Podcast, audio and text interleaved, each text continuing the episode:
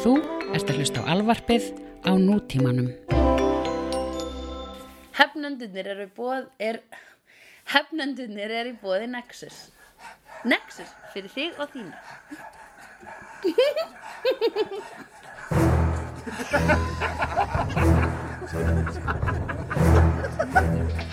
Ringdi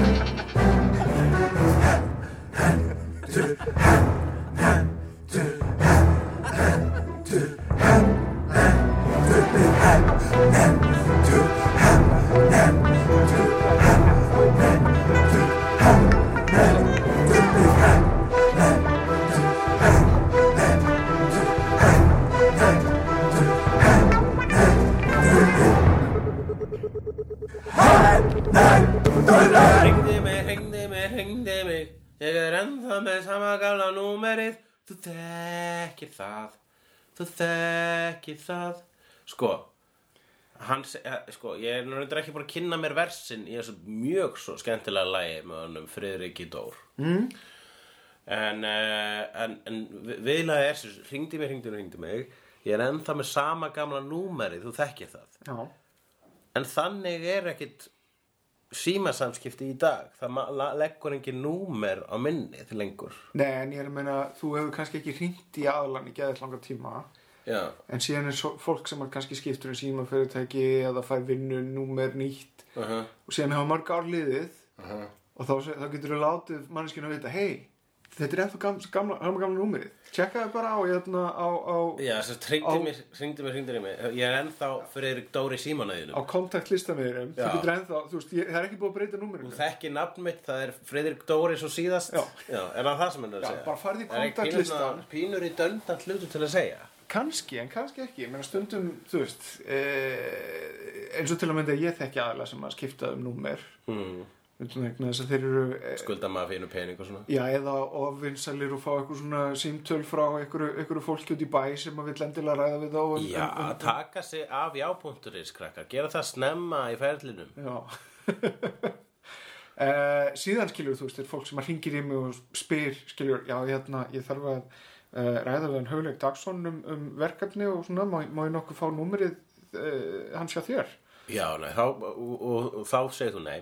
Ég segi vanlega, uh, leiðu mér að tala við hann fyrst. Send honum e-mail. Já, Og, uh, og vinsalist ekki kalla hann á fund án þess að vera að segja nú hvað er að fara að tala um. Það eru verstu fundir allra tíma. Herðu, ég með hérna smá hugmynd. Það er hvort við getum hérna, ég getum búið upp á kaffi og rætt hana við þig. -hmm. Lífið er of stutt fyrir mig til þess að þurfa að mæta einhverjum andliti til andlits og segja honum Nei, ég vil ekki gera það sem að þú ert búin að núna eyða orku, tíma og fyrirvara í að uh, stilla upp. já. En hver veit um að Friðrik Dór sé komin á hann stað að hann hefur skipt um númer Já. eða er líklega til að hafa skipt um númer en þessi, þessi gamli elskugi eða áskona Ég held að elsku í dugi fyrir bæðikynnin Já. og öll hinn.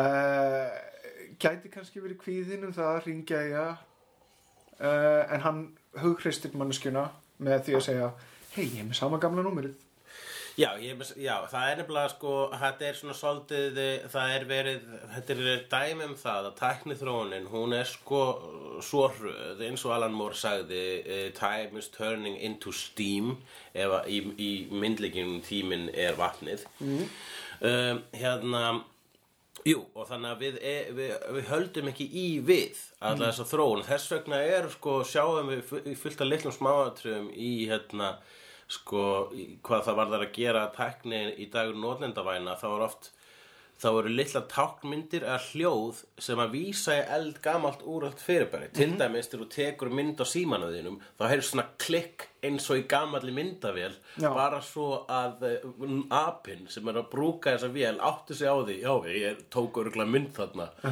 Og um, símalógoið á Já, iPhone-um lítur út eins og svona gamall ringisími já, sem, að við höfum ekki notað Ég held að líka bara, þú veist, millennials, þetta er svona, þetta er forngripur fyrir, hérna, ki- alla þessar, yngstu kynnslóðir. Millennials eru samt á, á, á, á grönsunni, þeir muna eftir þessu það, við erum að tala um kynsluðan eftir það. það er að morgun sem að leikskólabönnin verða á sama aldri og millennials og þau hafa ekki séð svona skífusíma. Já, Ég, Um, og svo líka er þetta sko detta í það að þú þarft aldrei að skrá niður númer einhvers mm. heldur bara þarf ykkur að segja við síman ég heiti Friðrik Dór og svo blonk verður það bara til, uh, til tengi leið við hann inn í símanum Já. þannig að þegar hann segir ég er ennþá með sama gamla númerið þá er hann samt að segja sko hann er, hann er að nota uh, hér dæmum það að það er verið að nota gömul orð yfir nýja hluti -hmm. uh, eins og stöðum ennþá köllum við sko kvikmyndir films Já. það eru ekki lengur á filmu já, sumar.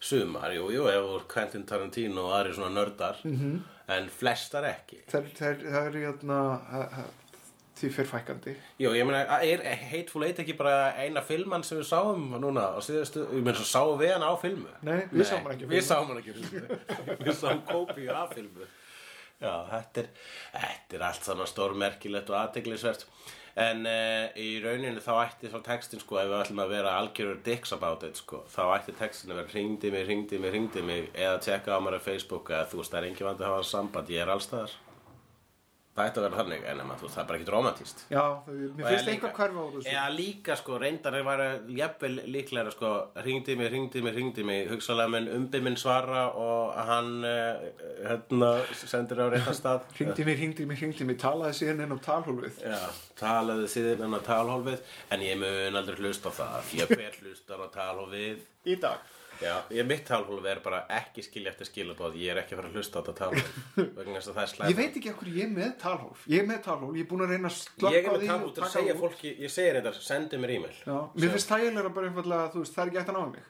Ég er stundum, sko, ok, er, er þetta skrína símtöl. Ég er svolítið búin að taka harkalega stefnu með það. Ég hérna, svara sem stundum ekki símtölum. Já, ég gerir það líka, en það er líka bara eitthvað sem að þú sem nútíma vera, sérstaklega uh, orðin miðaldra og hérna, uh, þú veist, má ég kalla það miðaldra? Ég var bara dom, demdir þessi fangið á mér. Ég, ég, ég var auðvitað með að... Ég er ekki alveg búin að sætta mig við það. Verandi orðin 40 ára, það var eitt sem ég lærði. Þegar þú ert 38 ára, hætt bara þú hefði getað bara tekið í fagnandi þá Það er sjálfsblekking að vera orðin 38 ára og jafnvel 37 ára og Ég- segjast vera ekki orðin Ég er miðaldra 39 ára. Þannig að ég er, ég er, ég er komin lengra á vera... 21 árs krakkar núna sem eru, þú veist, þessir cool hérna að það. Heldur þeir líti ekki á 35 ára fólk sem miðaldra Ég öruglega. Já Ég held samt að það sé... það Spilin er, það í- rangt spilin í þeirra höndum Já, ég veit það. En samt að vera, að vera að beita þessu eins og einhverju vopni. Já, við verðum bara sagt okkur við það Líka miðaldra er svolítið það er, það er flott sko Er það, kom- það er Já. ekkert cool við millennials- Það er ekkert jákvætt við sig. Það er bara svona, æjæ, ertu miðaldra? Jú, hann er bara reynslan Já. Millennials eru hobbitarnir sem það- ko- koma inn á það Prancing Pony og við erum Strider út í það, tæknilega séð þá er reynslan þarna til staðar. En orðin miðaldra, það, það, það sker undan þessu öllu saman. Miðaldra er, er einhvern veginn á milli þess að vera ungur og vera gamall með reynslu. Mm. Miðaldra er bara svona eitthvað ástand þar sem þú ert ekki búin að sætta við eitthvað. Það er það- Já, það- finnst þér, finnst þér orðið miðaldra uh, se, segja eitthvað svoleiðis að Nei, það er bara, mér finnst tákra merking þess uh, sérstaklega þess að maður hefur verið í kringum fólk sem beitir þessu eins og vopni Jú, það er mjög, ég teki eftir því að fólk er mjög mikið að beita miðaldra sem svona skammarir og að jafnvel lýsingar orði nánast á einhverju sem, er, sem er hallarislegt, já, er þetta ekki svolítið miðaldra? Já. Jú, jú, það er fyndið og við getum sagt það, þú veist, þetta er svona okkar N-orð. þetta er- þetta er M-orðið. Og hérna, en um, það sem ég vildi sagt hafa er að að fórum hann út á brautinu og vonandi tekst mér að beina okkur aftur á hana. Það var það að eh, ég var að segja þú getur leift þér sem miðaldra manni að ó, týndi því. Þegar við vorum hérna á uh, já, akkur. Þú getur leift þér þegar þú vorst að tala um hérna að, hérna, að þú byrjar að skrýna samtölu og bara uh, símtölu og ekki svara þeim Já, er það bara miðaldra? það sem, sem miðaldra maður, það máttu það Já. vegna þess að þú varst uppi á tíma þar sem að þú varst, eini síminn var landlínan -hmm. sem var bundin fysikali við vegg Já, og það var engin símanúmer að byrtir heldur bara dring og bara hver er þetta? Veit enginn hvernig að ringja þú svarar og segir halló, þú kallar halló út í myrkrið og þá er hinn skildur til að tilkynna hver þetta er Já. eða allavega spurði um fóröldraðina Að að þessu sögðu skilur þá, hérna, og vegna þess að sko ég eignaðist hérna, Nokia síma mjög snemma Ó. uh, og þú veist það er bara, þú veist, það er ákveð svona það er ákveðin skilda sem maður tekur á, á herðar sína með þegar maður eignast svona fassífa Já. í fuppaði að maður heldur það að maður eigi alltaf að vera við höndina þetta, er- þetta því það að tækið er að gera þig núna ábyrgan fyrir því að vera alltaf aðgengilegur. Já, en stundum vill maður bara ekkert vera aðgengilegur og ég held nefnilega það að vera alltaf að svara í síman, vera alltaf að taka símtum stundum er bara í lægi að segja skilur, herðu, ég er bara ekki aðgengilegur núna, ég er að gera annað. Eða ég er bara ekki í stuði til þess að tala eða, eða eiga samskipti. En hvernig vann tæknivætt samskipta samfélag eh, nútímans í dag, hvernig vann það sér inn að, að láta þig vera skilduðan til að svara alltaf? Það á það ekkert inni á þér. Nei, en ég held að það bara, ég held að það bara gerðist Já, þessin er að segja, mundu, þú kemur frá tíma, þar sem sko, ef þú varst úti að leika þér, þá var ekki hægt að ná í þig. Nefn að ef ykkur var í næstu götu og gætt kalla nú að hátt. Uh, en uh, þú ert frá þannig tíma og vegna þess að þú ert vera frá þe þeim góðsagnakenda tíma, þá áskilu þú þér þann rétt á að endur upplifa þá sælu sem það var að lifa í þeim ignorans hvort einhver væri að hafa samband eða hver væri að hafa samband Já. með því að einfallega hunsa síma stundum Þetta nefnilega er samt þetta verður annars eðlis vegna þess að ég sé símtalið, ég sé hverjar er að ná um mig Já. og ég hugsa með mér ekki í dagfélagi Já, já, vegna þess að þú getur verið selektífur á hvernig þú hunsa Já. Þá náttúrulega, þá er, að, að, þar bætist inn ákveðin meinfísn í allt heil dæmið Það er engin meinfísna baka það er bara meira Nei, nei, veistu það, í dag Já, er ekki alveg rétti tími Meinfísn er st- sterkt orð, það er rétt. Það, það, það ert viljandi að reyna að særa eitthvað. Já, Eh, en það er líka aftur Það móti meira, meira svona, það bætist inn nokks svona vanvirðing. Já, mögulega, en það, ég held að það sé samt ekki vegna þess að þegar ég reyna að hringi ykkur og það er ekki svarað hinum öndanum þá er ég búinn að gera það upp í sjálf mig ok, þetta er ekki, þetta er ekki ég er ekki að ná í manneskinu góðum tíma. Hún hringi vonandi tilbaka. Já, ég, það er þannig hugsa ég stanslust og ég, ég er alltaf sko blessulega eða, ennþá lofu fullur af svona sjálfs efa til þess að, einmitt, að hvert einst skitt sem gerist það bara svona, já, hann nennir ekki að tala við ég skil það. Og svo bara svona, ég hef framkvæmt því sa, sama glæp gagvarti mínum vinum og vandamönnum og á ég þess að skilja að fá þann að skella á mig og teki honum með jafnaði geði verandi miðaldra maður í cyber nútímanum Já, mér finnst þú samt mála þetta í einhverjum svona eh, eins og þetta hefði gerst bara í gær, að það hefði bara verið einhver skil og, og svona, en við erum búin að lifa tíma frá táningsárum eh, Já. fram til nútímans dagsins í dag, þar sem við höfum upplifað þetta. Við erum þessi, hvað heitir það, senials Við erum senni alls, mér finnst það mjög cool. Sem er, sem er svona, þú veist, klofa sitt hvorum megin í þetta. 73 mm -hmm. Uh, En uh, hvað er þú áttur? ég er 78, 78, já. Uh, Hérna, færtur á næsta ári. Færtu var næst, allar að gera eitthvað í því? ég ætla alltaf að halda partí. Þú allar að þetta partí? Já. Yes, veistu hvað, Ævar? Ég held að þú hafur aldrei haldið partí meðan við erum vinnir nei, ég er ekki partí haldur Þú ert ekki partímaður, ég er með að alltaf langa til að koma í Ævormann partí Sko, ég man aldrei hvernig átt vegna svo heldur aldrei upp á. Hvernig átt amalið uh, 18. ágúst, Ágúst, já, þú, þú ert uh, hérna ljón Ljón Við höfum reyndar rætt um þetta áður og, og, og ég er ekki típist ljón, þannig að það er, það, fólk er alltaf ljón. Þú ert ekki típusljón, það er rétt Þú ert ekki, þú ótar ekki þínu tóta eins og ljón Nei. En er samt með podcast og... Já, já, ég menna, jú, jú En þú ert ekki beint, þú ert, þú ert ekki ljónið í þessu podcasti Nei, ég, ég, ég held að ég sé ljón inn. Ég er heldur ekki megi vogið í ljón. þessu podcasti, sko Ha, í, þessu podcasti, þá er ég ekki vog Ég er miklu meira vog í Australia ok. Þá er ég svona, þá er ég meira svona Hei, en myndu Jonathan, við þurfum hérna að vega og meta og, og, og huga að jafnræði En hér er ég bara! Þannig er ég bara eitthvað svona önnur skefna, sko Já. Já Þessi, það- þessi, þessi En það er samt ég að þjóna sko ákveðnum voga skálum til þess að skapa þá, hérna, þá dýnamik sem við erum að gera hér í saminningu. Mér finnst þetta svolítið heillandi fyrirbæri samt, þessi podcast allt er eitthvað sem, sem að taka yfir. Þegar maður fyrir í performance gýrin eins og, eins og, eins og þú einhvern tíma listir þessu.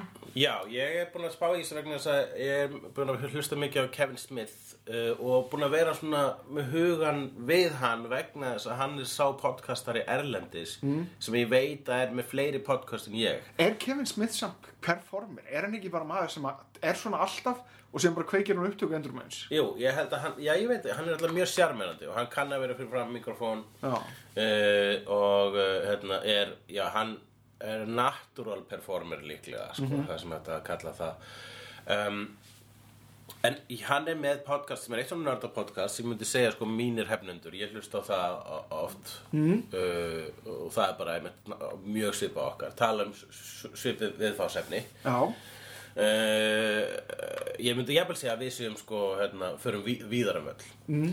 Og svo er hann með eh, podcast sem hann er svona að tala um Hollywood og, og ásend ykkur á öðrum gaur. Og svo er hann podcast með hérna, Jay, Jay and Silent, Silent Bob þar sem er bara svona basically uh, podcast þar sem er að vera viðhalda edru mennsku Jays sem er fyrirandi heroinfíkil svo skils mér að sem podcast með konunni sinni.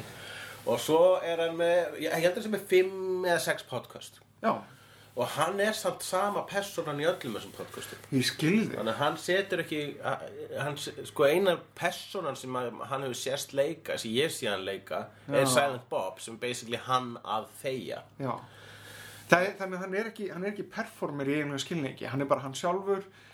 En ert þú þá Jú, að, ert þú að draga línu þannig á milli línu því, því langar til þess að vera svo Kevin Smith en ert performer fyrir ykkar? Nei, ég held að ég sé, ég veit ekki um, Mér finnst það vera sko, ég vera mismunandi típa í uh, þeim þremur podcastum það núna eru þau tvö vegna þess að sleigðu er í fríi en það dettur inn líklega um leið og Sandra kemur tilbaka frá útlöndum. Mm. en uh, í þessum þremur þá er ég með mismunandi áherslu svona í fasi. E, og hérna en það er bara það er, en það er vegna þess að hvert einasta podcast er samtalspodcast og hvert einasta samtalum er dans við hinn aðeilan mm. og uh, hérna og uh, þú dansar öðruvísi en Jonathan og þú dansar öðruvísi en Sandra og þar að leiðandi verður minn dans öðruvísi hér rosalega er þetta ógeðslega tilgerulegt Já, ég veit það. Mér er skemmtilega þegar við vorum að tala um síma og það Ég, er, ég, og, uh, bara svona sem dæmi það líka- hvað þetta er ekki æ, ég er- á réttum slóðum er það, ég, ég, eina sem ég tók úr þessu var það Sandra eh, dansar bara stafarugl dansar já það er, Sandra er dansar. Ú stafarögl mm Mhm. með þessari bombshell þá fyrir við beint yfir í dú dú dú dú dú. Stóra spurningin. Stóra spurningin í, í, þetta skipti er eh, eitthvað sem ég kokka var alltaf að spurja síðast. Já. þegar við vorum að tala um The Orville. Já, hvað, hvað, við fórum í eitthvað fokk með síðustu þátt að það var, það, það var veginn of síðustu tveir þættir hafa verið svolítið við að tala lengi um eitthvað. Já, síðasti þáttur fannst mér vera mistök og ég var með mikið gjamvisku bit eftir hann sérstaklega vegna þess að ég var eitthvað svona að reyna að komast að eitthvað pointi hvað var það Gotham hérna, líkingu þína í Lord of the Rings. Nei, nei, ekkert, ekkert gjafneskupið, enga veginn. Það, þetta, þetta er bara svona, svona svo, þannig fór dansin Já, ég, já, þannig fór dansinn. Já. en það sem er sko uh, gjamvisku bitur mitt stafar út frá því að ekki það að mér fundist ég hafa rátt fyrir mér þó mér fannst ég ekki það að endur rétt fyrir mér heldur vegna þess að var svo mikil endurtekning. Já, ég veit það. Já, Já. Ég, ég, ég var alltaf að reyna að finna eitthvað svar og fann það aldrei þannig ég var alltaf það var basically alltaf, ég, í dansinum þá var ég alltaf að reyna að vera Patrick Swayze og þú áttir að vera baby og hoppa upp í hendur á mér. Já. nema að þú fattar sko, þú, hérna, ég, ég gerði þetta aldrei á réttum stað. Já. þannig að við, við hittum aldrei hoppið og gripið, það hittist aldrei. Reyndar á köplum, þá held ég að við stóðum báðir svona með hendunum Já, í já, já, og bara svona, nei þú, Nei, já, þú. ég held að það var það. Við heldum báðir að við varum sveisi Við gátum ekki ákveð okkur var baby. Já, Já, ég held að það var máli Háver, hérna uh, Orville sem að ég hef líka komið stað í, í, í öðrum podcastum en í mitt hinni Nordag podcastinu sem ég hlusta á Bat, Fatman on Batman sem er Kevin Smith Nordag podcastið. Já, og það er live og einmitt þá var hérna þá fáast þetta respons frá áhörðundum og þá voru þeir að tala um bara já, fólk, er fólk að horfa nýja Star Trek? Er fólk að horfa nýja Orville? Og nýja Star Trek það var bara svona og svo, en Orville, allir bara hrópaði einhver It's the best Star Trek on TV og ég bara, "Ah, já ok. Það var flestir í þínu liði. Hvað þetta var það? ég, ég, ég, ég er ekki hissa vegna þess að það er meira trekk Það er, Það er verið að reyna að tróða nýja slóður í Star Trek Discovery sem að veldur alltaf ákveðnu núningi. Já, Trek, þú veist, Trek dagsins, það, Trek uh, síns tíma Já. er alltaf að tróða nýja slóðir Já, ok, málið það að Roddenberry setur ákveðna reglur um það hvernig trekk á að vera Já, og persónan það er eiga að vera fyrirmyndir það er Já. átök með ekki Ok. vera innan hópsins eh, nema þau leysist mjög fljótt þú, erum búin að segja þetta en það sem þú Já. basically segir að Roddenberry vildi meina að trekk ætti að vera minna dick heldur en það er í, í Star Já. Trek Discovery Já. En, en það er, en málið það, það er bara brotnari og, og flóknari s- skrif Já. í Star Trek Discovery. En ég meina þú veist þessi hallarslegu skrif er svolítið bara, það er svo næs. Það er svo næs að sjá fólk sem meinar vel sem reynir, reynir það besta sem þau getur. Já, uh, hérna, jú, það, það er næst, ég meina, mér finnst uh, Discovery vera púra trekk út af það að það er að fara nýja slóðir með trekkið. Já, sem að, uh, hérna, þú veist, þeir eru að fara where no, no one, mm. breyttu því í, hérna, var, það var no man, alltaf í, hérna, original series. Og svo í Next Generation þá var no one, en einhver stað þarna í kvikmyndunum, þá kemur alveg rost endar held í Star Trek 4, 4 eða 5 árost á svona voiceover frá Shatner. Og það bara where no man or woman has gone before. Já ok, ég veit þú varst að reyna að jafnættismaður þarna en þú varst bara pínu patronizing. Awkward. or woman, could be a woman. Kannski. Sem líka krónulógist í sko Star Trek sögur það hafa verið fullt af kvenkaftelun bara frá alveg, frá 2001. öldinni þess vegna sko. En hérna, jú, það er annar mál. Uh, jú, ég er ég er ennþá ef að, ef að þessi, ef að við ætlum að ef, að- ef að þetta er nýja batlið. Orville vs. Trek ekki, ekki gera það samt að batli ég held að það er það sem að fyrir tönum en ég, ég, þurfum við hefnendur ekki þetta batla? Nei, ég get nefnilega hort að páða þættina og haft gaman af uh, ég fæ öðruvísi upplifun af synkur þáttunum en ég fæ meira trekk úr orvil heldur en ég fæ úr trekk eitthvað hlutu vegna Já. sem er það sem að, sem er, sem að veldur þessu off beati Já, ég skil hvað meinar, en ég fæ einmitt meira trekk úr trekkinu nýja vegna þess að uh, þeir eru að segja eitthvað nýtt sem mér finnst vera pjúra trekk mm. en mér finnst uh, retro trekk vera uh, falleg hugmynd sem að virkar að miklu leiti í því litla sem ég séði Orwell mm. en það já, ég, mér, ég bara ég vildi, eins og ég sagði, ég vildi þá bara þeir eru, ef þeir eru sko þetta er tribute til Star Trek. Uh -huh.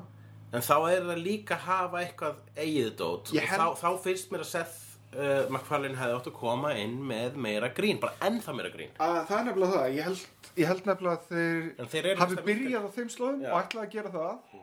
Og síðan bara einhvern veginn var það ekki það. Já, og núna er þeir svona hægt og býtandi að fasa út grínhliðina. Mhm. þótt að þeir, þú veist, geti ekki ráði vissi með það að setja stundum brandara en ég, en ég held að þessi seri eigi eftir að þroskast og þróast og verða sitt eigið þing. Já Það er það sem ég hef líka á er alltaf að vona vegna þess að ég er on team McFarlane og uh, ég vil að hann uh, geri eitthvað, uh, að ha- hann sanni að hann sé ekki bara one trick pony. Ég talandi um það, ég voru að horfa á Family Guy þátt nýlegan, nýjasta eða næstíjasta þar sem að hann hérna Brian segir svona racist hlut á Twitter og fer síðan í bíómynd.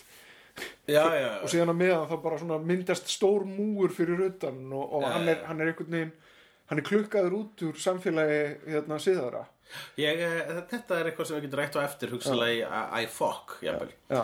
Uh, en uh, ég vil en ég vil samt áður Stóra spurningin, Stóra þú, þú, ert spurningin. ekki búin að, að bera hana fram. Akkurat í Orville Já, þá eru hérna eh, karakterinir e, þá, þá eins og í, í, í eh, flestu öllu sem að hann, eh, hann eh, Seth MacFarlane hefur gert -hmm. þá er reference joke stór hluti af grínunu já, þannig þeir eru með reference joke karakterinir af hverju, þetta gerist á 2004. öldinni ég ma- man ekki hvenar Uh, við, hefum, við ættum að gera Það skiptir ekki máli, þetta gerist einhvern tímann mörg hundruð árum Ég meina að þetta gerist 2400 og eitthvað Ok, Og hérna, reference green referensi grínið þeirra Það er allt úr popkúltúr frá 20. öldinu Já. eða, eða, snemma á 21. öldinu sem er ákveði reference green vegna þess að það er þannig í Star Trek að þeir, þeir eru alltaf að vísa í í Star Trek Já. þá er það alltaf svo nógu sniðir til að bæta við svona einu til að vera að telja upp veist, e- eins og í verkum eftir Shakespeare eða Steinbeck eða Blukski Barga eða Nikkitika Bob-Bob þeir bæta alltaf við svona skálduðum nöfnum. Já. til þess að vegna þess að þeir fatta að obvísli þá er þetta í framtíðin og þar leiðandi er menningarsagan búin að halda áfram Ég held að ég hafi séð svoleiðis move í einum orðvill þætti Já, ok, Það sem töluðum um eitthvað svona, popkultúr pluss einhver tvö nöfn sem að, þú veist, þú hefur aldrei heyrt. Þeir voru með eitt skáld þarna sem var líkil atriði í plottinu í þrýða þættinum sem var kynskiptinga þátturinn Já, en, uh, uh, það, það var líka bara plot point sko. en þegar kemur að, sko, að búa til tapestríð uh, sem að skapar þannig heim þá finnst mér þessi heimur vera rosalega mikið on point með referensa á popkultúrar fyrirbærum sem eru frá okkar nútíma. Já, sem að er bara skrítir vegna þess að þetta væri eins og sko alltaf bara hérna þetta þetta væri bara eins og við væri bara svona já, þetta er bara algjör Don Quixote hérna, þú veist. Eða rólegur Hinrik þriðji. Þú veist. Við vorum alltaf að vísa bara í einhver svona nokkura alda gömul fyrirbæri til, a, til að undirstryka eitthvað, eitthvað djók hjá okkur. Já. eins og þetta, það var annar flugmaðurinn er bara svona, ú, Dora the Explorer bara að standa sig. Hann hvað, bara, wow, Jesus, þessi karakter er ekki sá menningarviti sem myndi vísa í 400 ára gamalt badnaefni til þess að vera fyndin já, en ég, na, hver myndi gera það? já, ég veit það, en það, ef, að- ef að þið myndu spila það rétt, þá eru það allir bara, hver, hver er það? Já, nei, nákvæmlega það sem að hugsa ég, væri ekki þá rétt spilað einfallega að prófa að skrifa grín sem er ekki referensa grín -hmm. það er ekki vandi Ég, en þú ert búin að horfa þrjá þætti. Ég er búin að þrjá þætti og þegar er ég búin að sjá vísanir í sko Dora the Explorer. Obi-Wan Kenobi er ykkur kallar vegna er klár bara Obi-Wan Kenobi eins og í uh, fornaldar bara svona í, einni kvikmynd frá fornöld. Já, að þessu sögðu. og svo er hann með prúðurleikara hérna, hann er með kermitt á borðinu sínu Já. sem að, já, jú, það er svolítið eins og hafa styttu á Beethoven á, á, á borðinu eða eitthvað svolítið, að hafa litla Kannski lifir, lifir kermynd áfram í þessari framtíð. Jú, mér finnst það fallið, það er bara í rauninni í- þú stessna er það bara eins og að hafa Je- kro- Jesú kross í, í skrifstofunni sinni Nei, ba- þú veist, það kaldarslega er að bara núna fyrir í dag þá var ég að uh, í samtali þar sem að ég vísaði í Ódysseifskviðu Já, og til þess að, og það var sammeilur þekkingagrunnur þannig að þú veist að vísunin lendi já, það er það, veist, það, það er verið að ganga út frá sömu forsendum. Að mörgum dráð fram í tíman þá getum við ennþá vísað í sömu hluti og sömu hlutir úr okkar samtíð lifi áfram. Það er náttúrulega líka miklu meira gangstu að víta, vísa í Ódisseskviðu sko, þú, það er náttúrulega búið að endur taka Ódisseskviðu nokkur sinni með, þú veist, ferðum Gullivers og svo með Star Trek Next Generation rauninni eða þú veist, mjög mikið af þessum Uh, þessum frásögnum þar sem að uh, hver kapli er mismunandi eiga eða pláneta. Já, þannig En að þessu sögðu, ég meina, þú veist, hvað, hvað, hver er að segja það að Dora the Explorer sé ekki búin að halda áfram í þessum heimi og er Í Dora the Space 400 Explorer? Já, Eldur, þú veist, ég meina, er Dora, þú veist, ekki eins og Simpsons mun vara svo lengi, sko. Það væri reynda að fyndi djóka ef að Simpsons var ennþá í gangi á 2004. öldinni. Já, nú, nú er Lord of the Rings eitthvað x gamalt. Já, Eh, það er ekki, það er ekki meir en aldar gamalt. Nei, en hérna, ah, ég er að reyna að mun eftir ykkur. Já, hörðu, hvað með allan Shakespeare?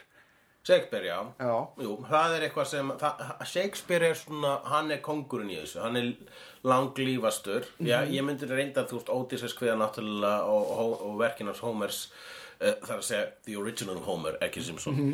Uh, hann, uh, það er eldra en það Já. og svo, svo við tökum bara, þú veist, biblíusögun og allt þetta, þetta er allt, jú, jú, það er endalist verið að vísa í eitthvað svoleiðis, þannig að jú, þannig að þú ert að meina að þetta sé- í rauninni það sem er að gerast þarna í Orville já, ég meina, ég var, ég var, þegar einhver segir þegar einhver talar um uh, Dora the Explorer þá er hann basically það er eins og í dag eh, þegar þú varst að vísa í Ótisarskviðu Já. í vinnunni ég var, ég var að hlusta á hérna, Hardcore History með Dan Carlin sem er hérna svona sögu podcast. en skildu George Carlin? Nei. Nei. Eh, og þar, eða ekki heldur George Carlin. Nei. Hérna, Ha, ég sagði George Carlin. Þú sagði Josh Carlin. Já, ég sagði George mjög hratt. Ah, ég skilði. en þar, þar var hann að segja frá, sem sagt, uh, aserískum, hérna, einhverju aserískum konungsögum. Já, Uh, minni mig. En hérna, mæntalega asískum keisarasögum. aserískum. ekki as- Asirískum? Já. Já, þú sagði asirískur mjög hratt. og, hérna, og þar, þar er hann að segja sögu af sagt, hérna, því einhver konungur hann fær einhver draum um það að, að dóttir hans pissi undir og síðan er einhver svona einhver, einhver hitt og þetta spooky shit og hann fer til einhverja draumróðningokonu sem segir það að, að dóttir hans muni eignast badd sem muni uh, fella heimsveldans Uh -huh. og þetta er saga sem að, veist, sem að veldur því að hann ákveður að fara með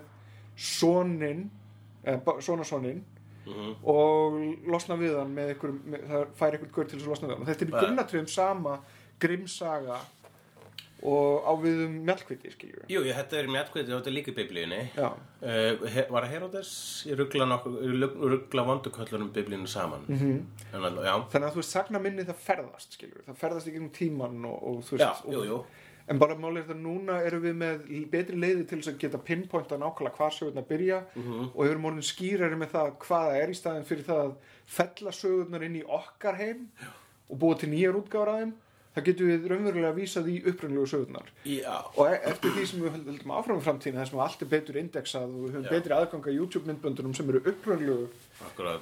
upprænlega dóti þá verður það bara held ég, held ég meiri regla Vissulega, sko, jú, jú, það er bara það, en við, við uppdateum okkur, sko, þegar við erum að tala, við viljum, í- við, við, við viljum segja að eitthvað, þú veist, okkar lífi núna, mm -hmm. eh, við viljum að líka því við eitthvað eh, úr, úr, úr sagnarfunum okkar, nýlegum eða gömlum, mm. til þess að undirstryka einhvers konar punkt, eins og til mig ef að ég vil þakka þér fyrir að kenna mér eitthvað. Og þá kalla ég þið Obi-Wan. Þakka þér fyrir Obi-Wan. Oh, you taught me well. uh, en uh, ef að það er bara vegna þess að það er sko ennþá dag í dag þátt fyrir að Star Wars er orðið meir en 30 ára gamalt. Það er fucking 40 ára gamalt. Það er miðaldra. Já. en hérna uh, samt jafn ferst og umt í anda. Já, en, sam- en samt, þú þú, þú, ef að, þú veist, hérna, Fyrir- fyrir, fyrir 50 árum þá hefði ég sagt við þig, þú hefur kent mér vel og þú þurft að segja eitthvað annað en Obi-Wan, mm. sem að tákna það saman, það er líka bara Ming vegna the Merciless? Ming, the- Ming Merciless, hann er vondur. Og líka mjög rasísk fígura uh, sem var leikinn af Svíja í bí bíómyndinni. Já. Svíi með Yellowface, það var uh, aðteglisvert Já, en við erum að þvælast hérna fram og tilbaka. Ég held að, ég held að sko eh, eitt reynda með þetta allt saman þessir referensar eru svolítið að bara svona mjallast út.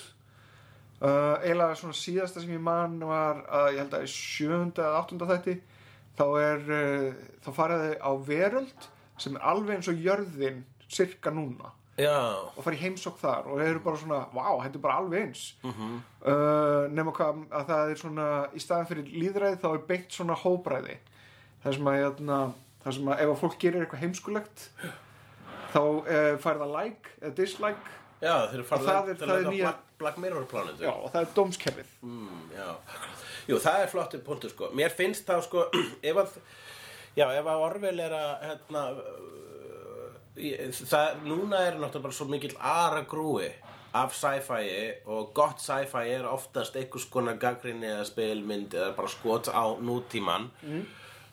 þá er uh, fremst í flokki bara höfuðaherðar yfir bæði Star Trek og Orville þá er það Black Mirror. Mm. svo þeir eru miklu meira on point og miklu meira, meira þegar maður á það þá hugsa maður meira svona nákvæmlega! Já, en það er kannski, það er vegna þess að það er miklu nær samtímanum.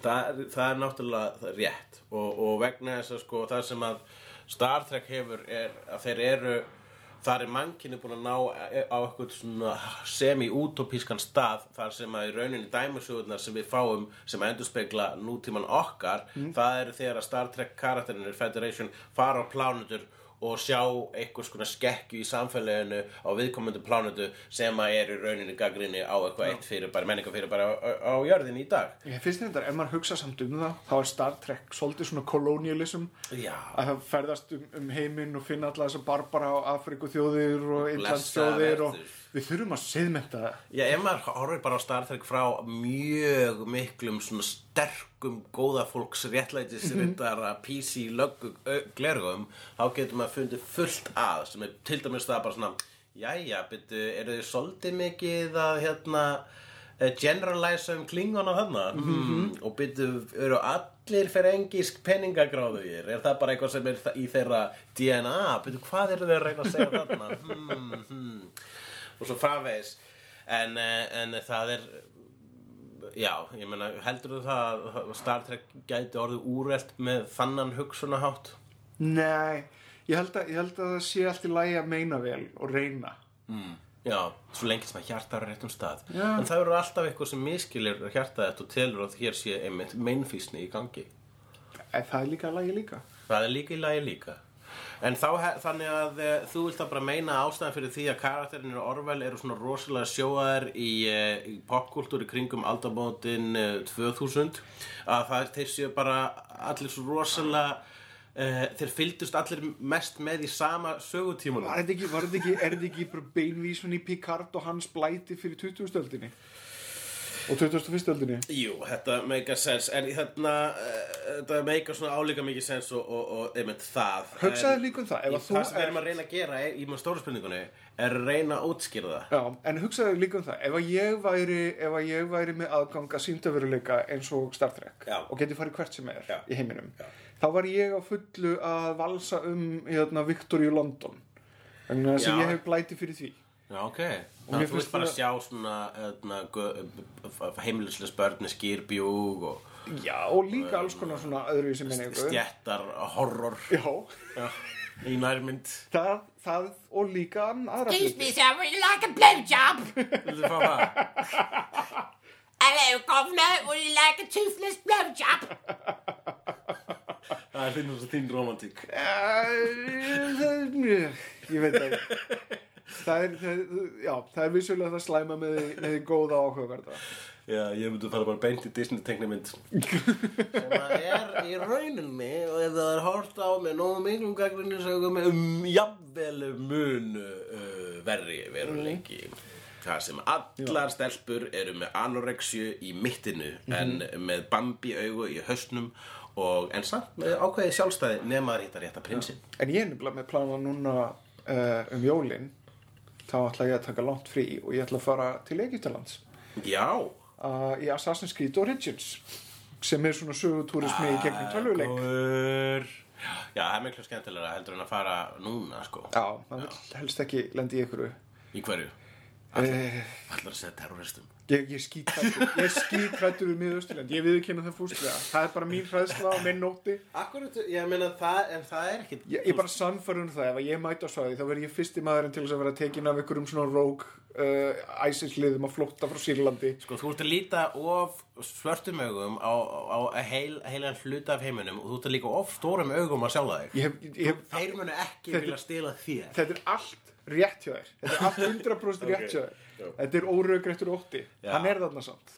Í sambandi við Orville hérna, Þetta er nefnilega síndu líka uh, uh, Real Housewives Já. Manstu þegar þeir voru að refsa einhvernum geimverum eða svona hefna En fannst þér það ekki skemmtilega? Men þegar senda þeim svona fullt af Real Housewives og Kardashians þætti Já. þannig að, voru, þannig að ertu að segja mér að það það var að versta úr sinni menningu sem þeir gáttu sendt þeim það þykir verið með vera það mesta útapíjan sem ég séð í Orville er það að við erum komin Var yfir það- þann hjalla Nei, það var ekki það, var ekki, það, var ekki það versta. Heldur hugmyndin var svo að þeim vantaði eitthvað í dýragarðin sinn. Já, þið vantaði eitthvað í dýragarðin Og þá var þetta alveg hefð fullkomna efni til þess að setja í dýragarðin vegna þess að við, við þurfum ekki lengur dýragarð, við erum með sjónvarp Já, og þeir voru ekki með sjónvarp á þessu leveli.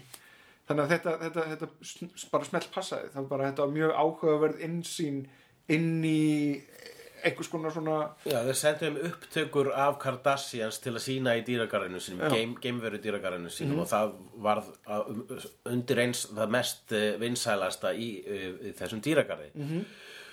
Jú, ég fatt alveg brandara mér, þetta pínu svona outdated, sko, svona búið að segja þetta svolítið oft. Já, það er, það er svolítið fylgjandi, eða, það fylgir þessari seríu svolítið, Já. að þetta er, þetta er gamaldags, á, Já, þetta- í vísunum og öllu. Þetta er í, smá pappa átt, sko. Já. Hvað er þetta? Er, er þetta bara ekki á þess að þessu Kardashians? En að því sögðu, það er bara svolítið næs. að, Þetta, þetta, þetta, þetta þessi, þessi pappa átt.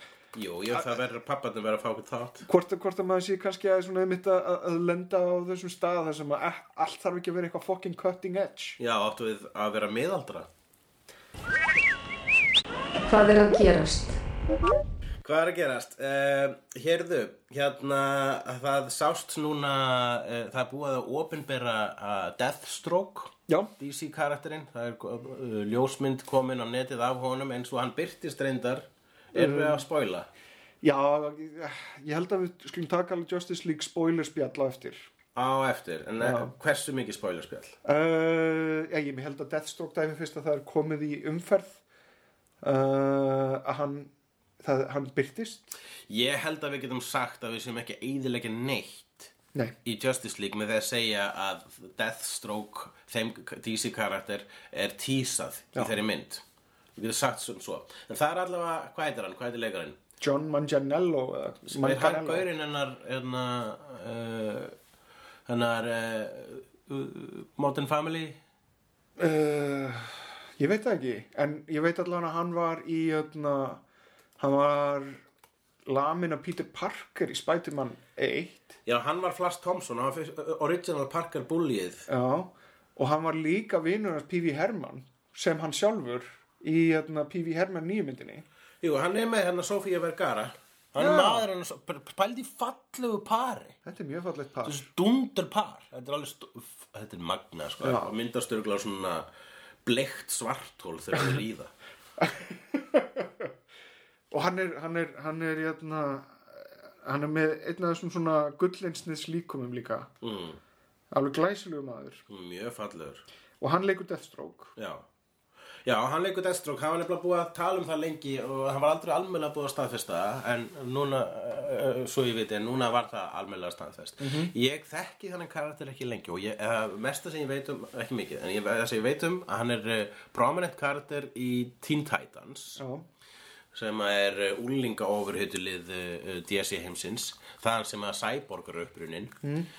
Uh, en svo veit ég líka að Deathpool, Deadpool og Marvel var sem sé hérna Blatant Copering. blatant copering eins og Rob Liefeld uh, einum með lagið. Veit Wilson og Slade Wilson og Já. svona veist það er, er rým í örnöfnum hann, er algjörlega afturlega Deathstroke heitir réttnum nafni Slade Wilson, Deathpool heitir Wade Wilson. Þetta var bara, þetta var basically bara svona pínulítið svona, var parodía en Deadpool er betri karakter vegna þess að hann er með meira en, en Deathstroke Deadpool líka var ekkit, hann var ekkit svona flókin karakter þegar hann byrstist fyrst. Hann Mhm. þróast þannig með uh, þegar uh, hinn og þessir höfundar byrju að bæta á hann. Já. en hann ávist að vera held ég stóri vondikallin í Batman-myndinni Það er það sem maður heyrir og, það, og það, ég væri alveg til að sjá Ba- Batfleck berjast við þannan Deathstroke.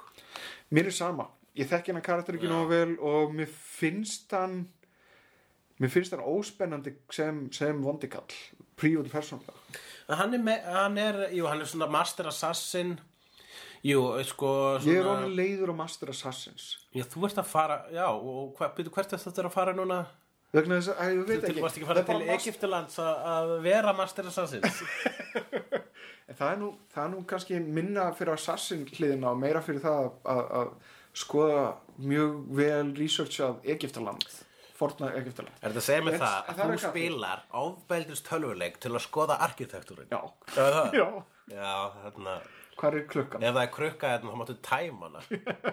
Þess að þú ert búin að bæta upp fyrir allar þína heimstera innfæslur. Arkitektur og mannlíf, hvað? Ég er ekki hérna til að drepa. Hefur hefur séð hérna myndbandið á netinu? Stundum neyðist ég til að drepa til að komast áfram. Já, Hefur séð myndbandið á netuna sem fólk er, uh, það er challengeið, það er fólk að reyna að spila Grand Theft Auto án þess að brjóta lög. það, það, það væri eitthvað sem ég myndi vilja reyna vegna Það- þess að mér finnst það meira spennandi Það, það er alveg mjög skemmtileg stúdía í óþólumæði. Bara það að þú skulle þurfa að bíða við raukt ljós, það er að drepa fólk þarna, sko. Það er að drepa fólk á leiðindum. Þú, keftir ekki þessa, þessa leikjavél til þess að bíða á rauðu ljósi. en ég, já, ég veit ekki Deathstroke uh, ég, ég veit ekki ég veit ekki alveg Hvað er, hvað er hérna, hvað, hvað ég er að leita að þarna en, en ég veit ekki alveg hvað hann er að bjóða Persónulega sko þá uh, vegna þess að ég er búin að vera svo mikill Marvel haus og lesa og, og, og þegar kemur overhitjum þá ég hef, hef það verið 80% Marvel lestur -hmm. Þess vegna þegar maður sér Marvel myndinar þá er maður bara að fá sína litlu óskir uppfyldar að fá að sjá þetta allt saman live action. En uh, þegar kemur að DC þá er meira, þá líti ég þá miklu meira sem að þá er ég að læra eitthvað. Ég bara, já, hvað, þessi karakter, já, Cyborg hvað snýst hann eiginlega um? Þannig að ég er ekkert að fara að lesa mikið af DC ég reyndar að fara að gera það núna fyrst að Brian Michael Bendis er fara að skrifa DC kannski er þetta vegna þess að ég hef bara svona takmarka þól fyrir ofurhetjum og ofurskurkum sem að eru ógæslega góðið með sverð og byssur En það er bara yfirborðið. Það eru svo oft, sko, það sem náttúrulega er nú svo sem e- enga veginn hægt að lofa og DC hefur svo sem ekkert alveg sanna sig í þessum málum, en það er hægt að gera mynd, það sem hún lætur eitthvað uh, karakter, sem er ekki merkilegar en það að vera góður á vopn. já, Getur látið hann vera drullu aðteglisvæðan bara einfallega með því að skrifa hann vel, láta hann segja flotta hluti og whatever. já ég er búin að vera að fylgjast með Punisher, komin fjóra þætti inn. Uh, fín serja uh, bara alveg ágætt en hérna það er verið að taka fyrir hluti eins og post-traumatic stress disorder já, þú tala um vegna þess að hann er school shooting og eitthvað svona, þú veist það er svona hvað hva, hva vopnalaugjöfin þýðir og allt þetta. Já, uh, og vera að fjalla um herinn og svona, þetta, þetta ég- eins og sé, ég kom fjóra þætti inn í þannig að þetta er ekki alveg, alveg komið á uh, svona neistandi flug en þá. Já, en hann, hann hefur lengi vel verið það, þannig skrifar hann, hann Punisher, það, er, það sem fylgir honum. Er þetta angst það sem hann gerir hann söluvænan er það að hann þjónar blóðfosta uh, neytandans. Við fáum að sjá hann drepa glæpamenn, eitthvað sem er ekkit svo einfalt og auðvelt í veruleikanum. En, en uppáhalds Punisher minn er Garth Ennis Punisherinn sem er miklu hugmyndaríkari með það hvernig hann myrðir fólk. Já, ég er alveg tímalega samanlega þar, Garð Ennis er besti Punisher skrifari sem við nokkuð við höfum gengið á þessari plánet hann er fyndinn og við fáum, lí, fáum líka svona smá einsinn inn í, hérna, inn í skúrkana og það er svona það er ákveðið svona metalestur á aðstæðunum sem, er, sem er skemmtilegur.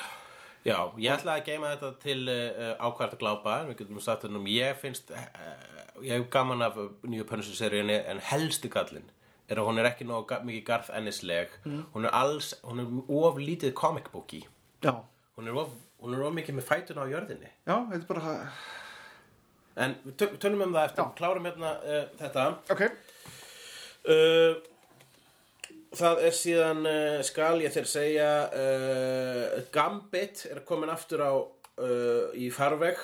Kvikmyndir um Gambit. Með Channing Tatum. Með Channing Tatum hann er aftur án bord er hann aftur á bort? Já. já, það, ég er af því.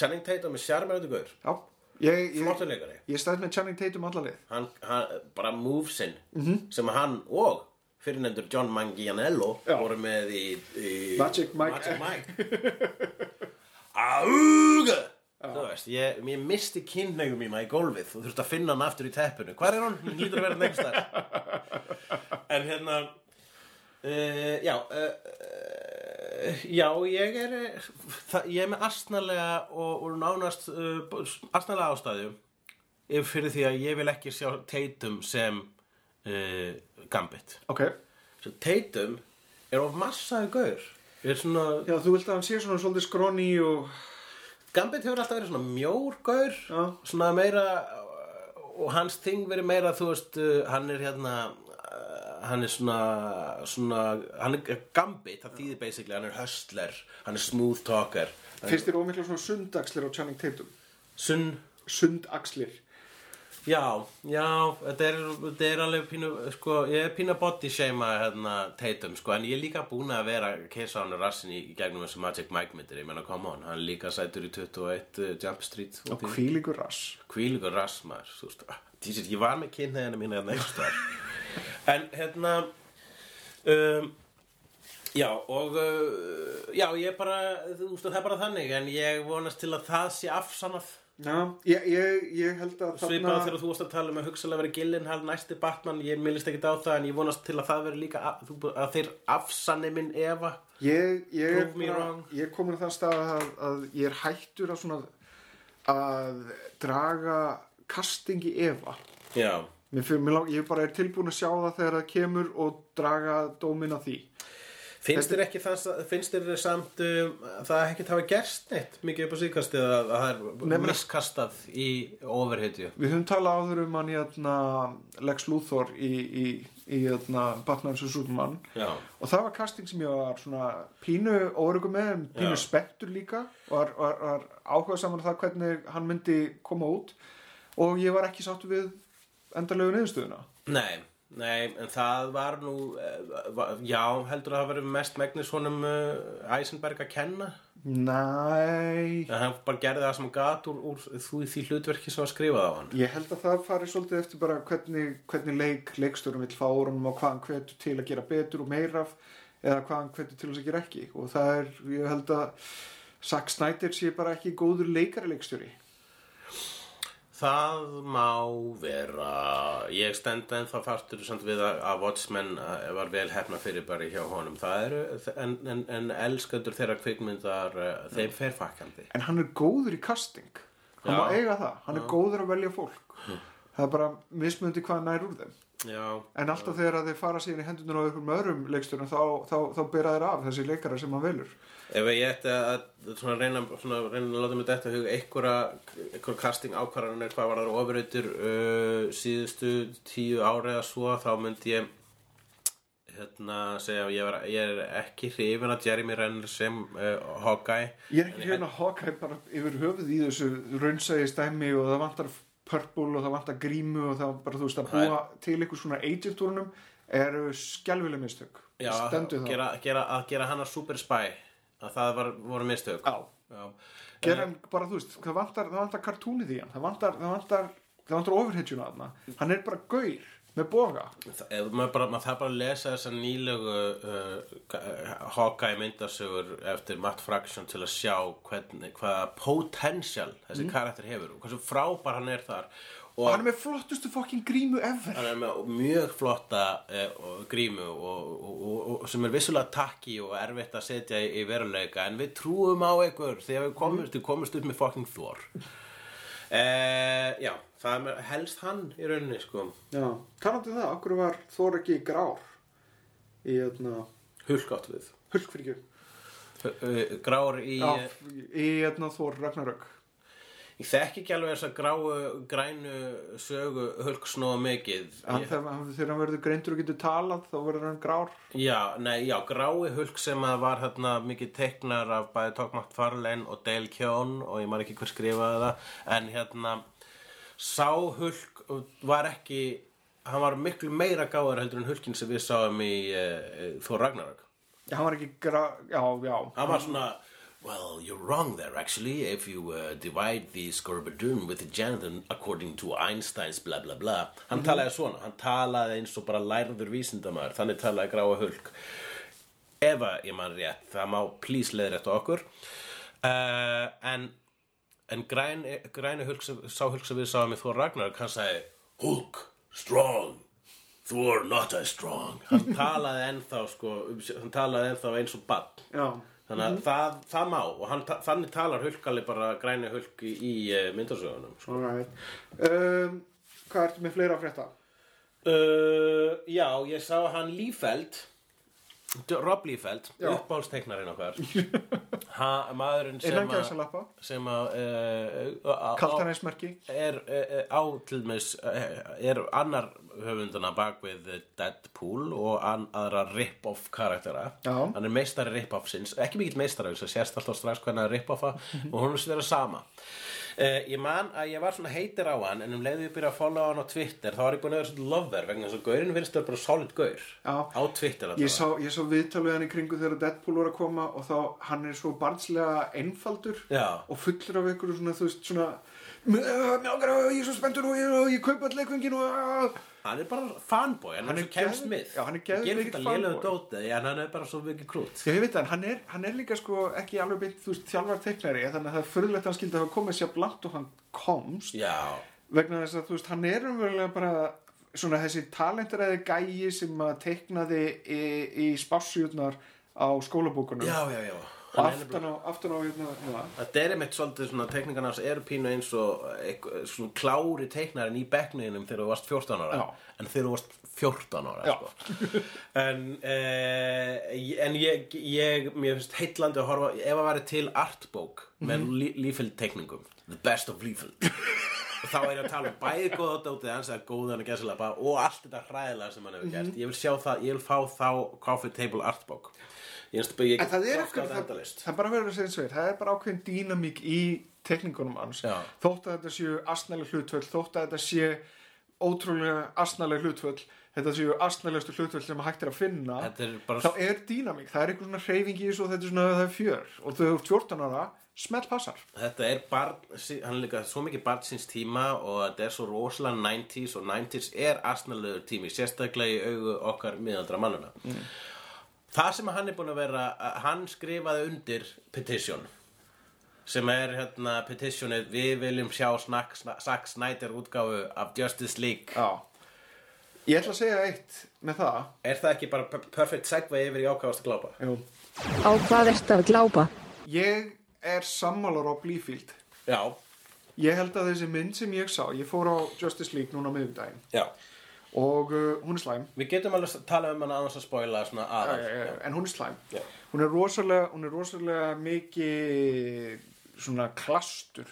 Það er búið svona að líma hluti saman sem að passa ekki saman og maður finnur fyrir það er svona ákveði botlis í henni. Og síðan er bara þessi ákvörðun sem var tekin eftir hérna, Man of Steel að, að, að hérna, venjulegt fólk það mætti ekki drepa rosalega mikið að því.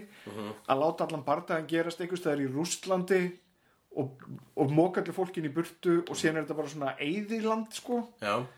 fyrir, fyrir lokabardaðan Fannst þið það vera svona of augljós uppbót fyrir allt mannfallið í mann og stíl? það, það er búið að vera þannig alveg í Batman vs. Superman líka Já. að þá færið þessi eigu þar sem þeir gáttu örglega ekki já. og þeir gera það sama þarna Ég meina, hvað áttu þeir að gera við, gegn þeirri gagnrinni? vandamálið sem að ég horfi á í gegnum myndina er það að fyrir utan atriðið með Wonder Woman í bankanum þá er ekkert fólk Já, það eru bara þessar ofurheitjur að tala saman og síðan er ekkert fólk góður punktur. Það, ég, ég mannst þessi rússneska fjölskylda sem var fókusað svolítið á þarna í, í, í, í rússneska partmyndarinnar. -hmm. Mhm.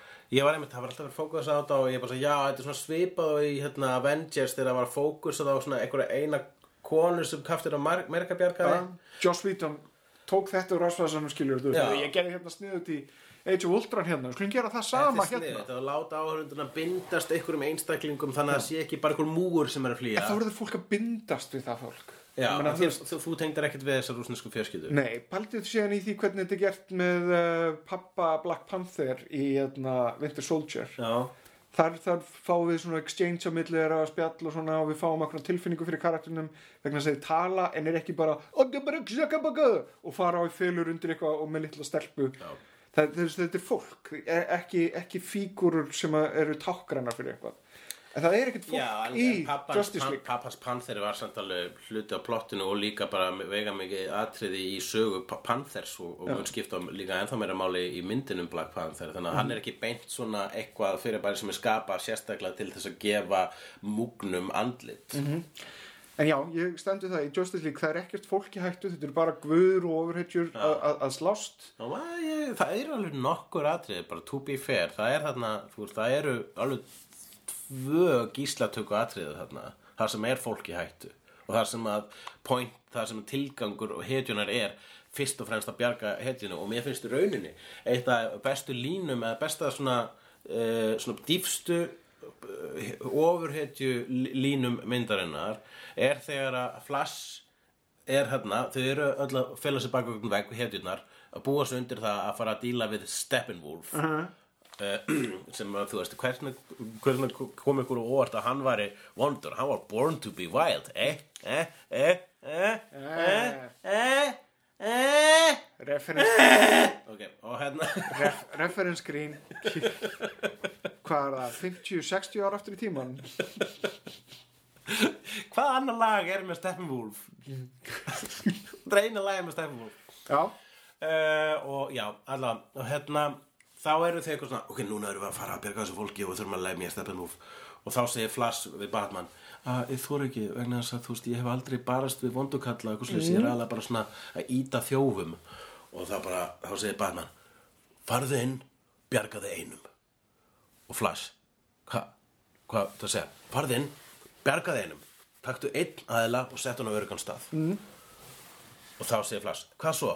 þá segir Batman, þú veist hvað svo sem er mér fast djúft sko þú þarf bara að setja, hetjan þarf að vera hetja til að fatta hvað er að vera hetja og fatta að hann þarf að vera hetja aftur -hmm. þetta fannst mér vera sko um, hér er, var kulminneitað uh, þessi hérna í rauninni þessi fílósófían bak við ofurhetjuna hinn einfalda barstlega en þó algjörlega rétta fílósófía bak við ofurhetjuna var alveg sett þarna í þessu litlu samskipti sem að ég vil, ég ætla að gíska á að Whedon hafi komið inn. Já ég, skal, ég skal alveg taka undir það. Þetta er góð lína, þetta er gott augnablik. Já, og, og fyrir utan endur að gríman hans Batman fannst mér svolítið uh, off.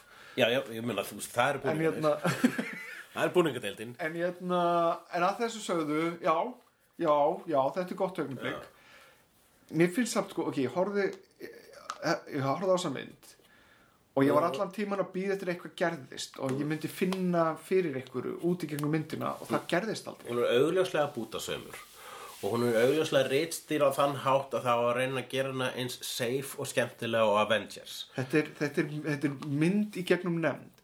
Já, og að þessu sögðu þá finnst mér, þrátt fyrir alla hennar galla Batman vs. Superman vera tíu sinnum betri mynd já uh, tíu sinum betri mynd eru stór orð en ég er samanlega þér kæri ævormann vegna þess að Uh, þess vegna vil ég mitt sjá þetta blessa Zack Snyder cut sem á að vera 40 mínútum of langt samkvæmt nefndinni uh, vegna þess að þrátt fyrir alla sína galla hafði Batman Vaff Superman það uh, til brunns að bera og hún er öðruvísi heldur en allar ofuröndumyndir uh, uh, höfundar einkenni Snyders. Mér langar líka til þess að bara einfallega taka smá svona double check á Batman v Superman. Þetta Martha dæmi, það var bara allt í lagi. Já, ertu bara, hvað er að þessi, gerast allir þessi fucking heiterar á Martha dæmi geta bara að hoppa upp í raskat á sér. Þeir eru að eigðalegja ánægju fólks Ef með, ég með, var- einhverju svona nitpicky shiti vegna þess að þið þóla illa eitthvað sentiment. Já, ég er bara, einmitt, ég finnst, ég er sammála, mér finnst það, marnadæmi var ekki það var sem fínt, það var bara svona, á já, að ok. myndinni. þannig að hann uppgötta það að þeir eiga eitthvað sameigilegt, það er fallegt það er fallegt að, að, að, svona sömu yklu og hefur þetta verið nota áður í nokkuru sögu? Er máli, að, að, að þeir heita báðar Martha. Ef ég hefði verið að researcha fyrir hérna, minn sem ég var að skrifa um Batman og Superman Mhm. og komist að því að þeir ættu ba- mömmur sem heita það sama bara, þá myndi ég obsessa á þeim punkti. Bara ég verð einhvern veginn að skrifa það inn í verkið. Það er skilalega var þarna Já. og, og það vissulega já, það var ekki það, það, utan það- var það- ekki það slæma við þá mynd. Nei, og það er svo langt frá því Það í þetta er einn af þessum hlutum sem, sem, að, sem að það eru sumi nörda sem hengja sig á þetta sem það eina sem var að svona eins og ískapatriði í, í, í Indiana Jones sem var mest awesome atrið Indiana Jones 4 fyrir utan maurarnir. Fyrir utan mörðarnir en uh, sko, ok, það er, veist, það er ekki slæmt atriði, það er gott atriði. Og það er ekki það sem var að Indiana Jones and the uh, Nei, Það. var svo margt annað að það er alltaf þegar mynd verður svona uh, uh, phenomenal fuck Já. up þá finnst mér oft vera fókusað á vittles atrið Ka kannski bara eins og það er svo miklu meira betra soundbite að gera grína af Martha eða ískápnum Nei, og síðan, síðan, einmitt, síðan ef, ef við skoðum bara þetta augnablik Louis Lane var þarna Já. að berjast fyrir lífi hérna, Clark já, og það hafði áhrif á Batman ásamt mörðu. Já, já, já. þannig að þetta voru, þetta voru samverkandi þættir. Þannig að þetta var ekki bara einfallega eins og hann snerist á, á, á, á, á staðinu við það að heyra Martha heldur var þetta uppsöfnuð, sagt, uppsöfnuð skilning á því að Superman væri ekki illur. Já, já, já, hann hérna hann þurfti, þú veist, það var ekki þetta var svona síðasti drópin það voru ekki það beint var risastort glas fullt af, fullt af smá Superman bjór. Já, akkurat. Það var, hérna, uh, það var ekki Martha dæmið, það voru ekki rökin að, það var ekki rökin sem að feldu Batman.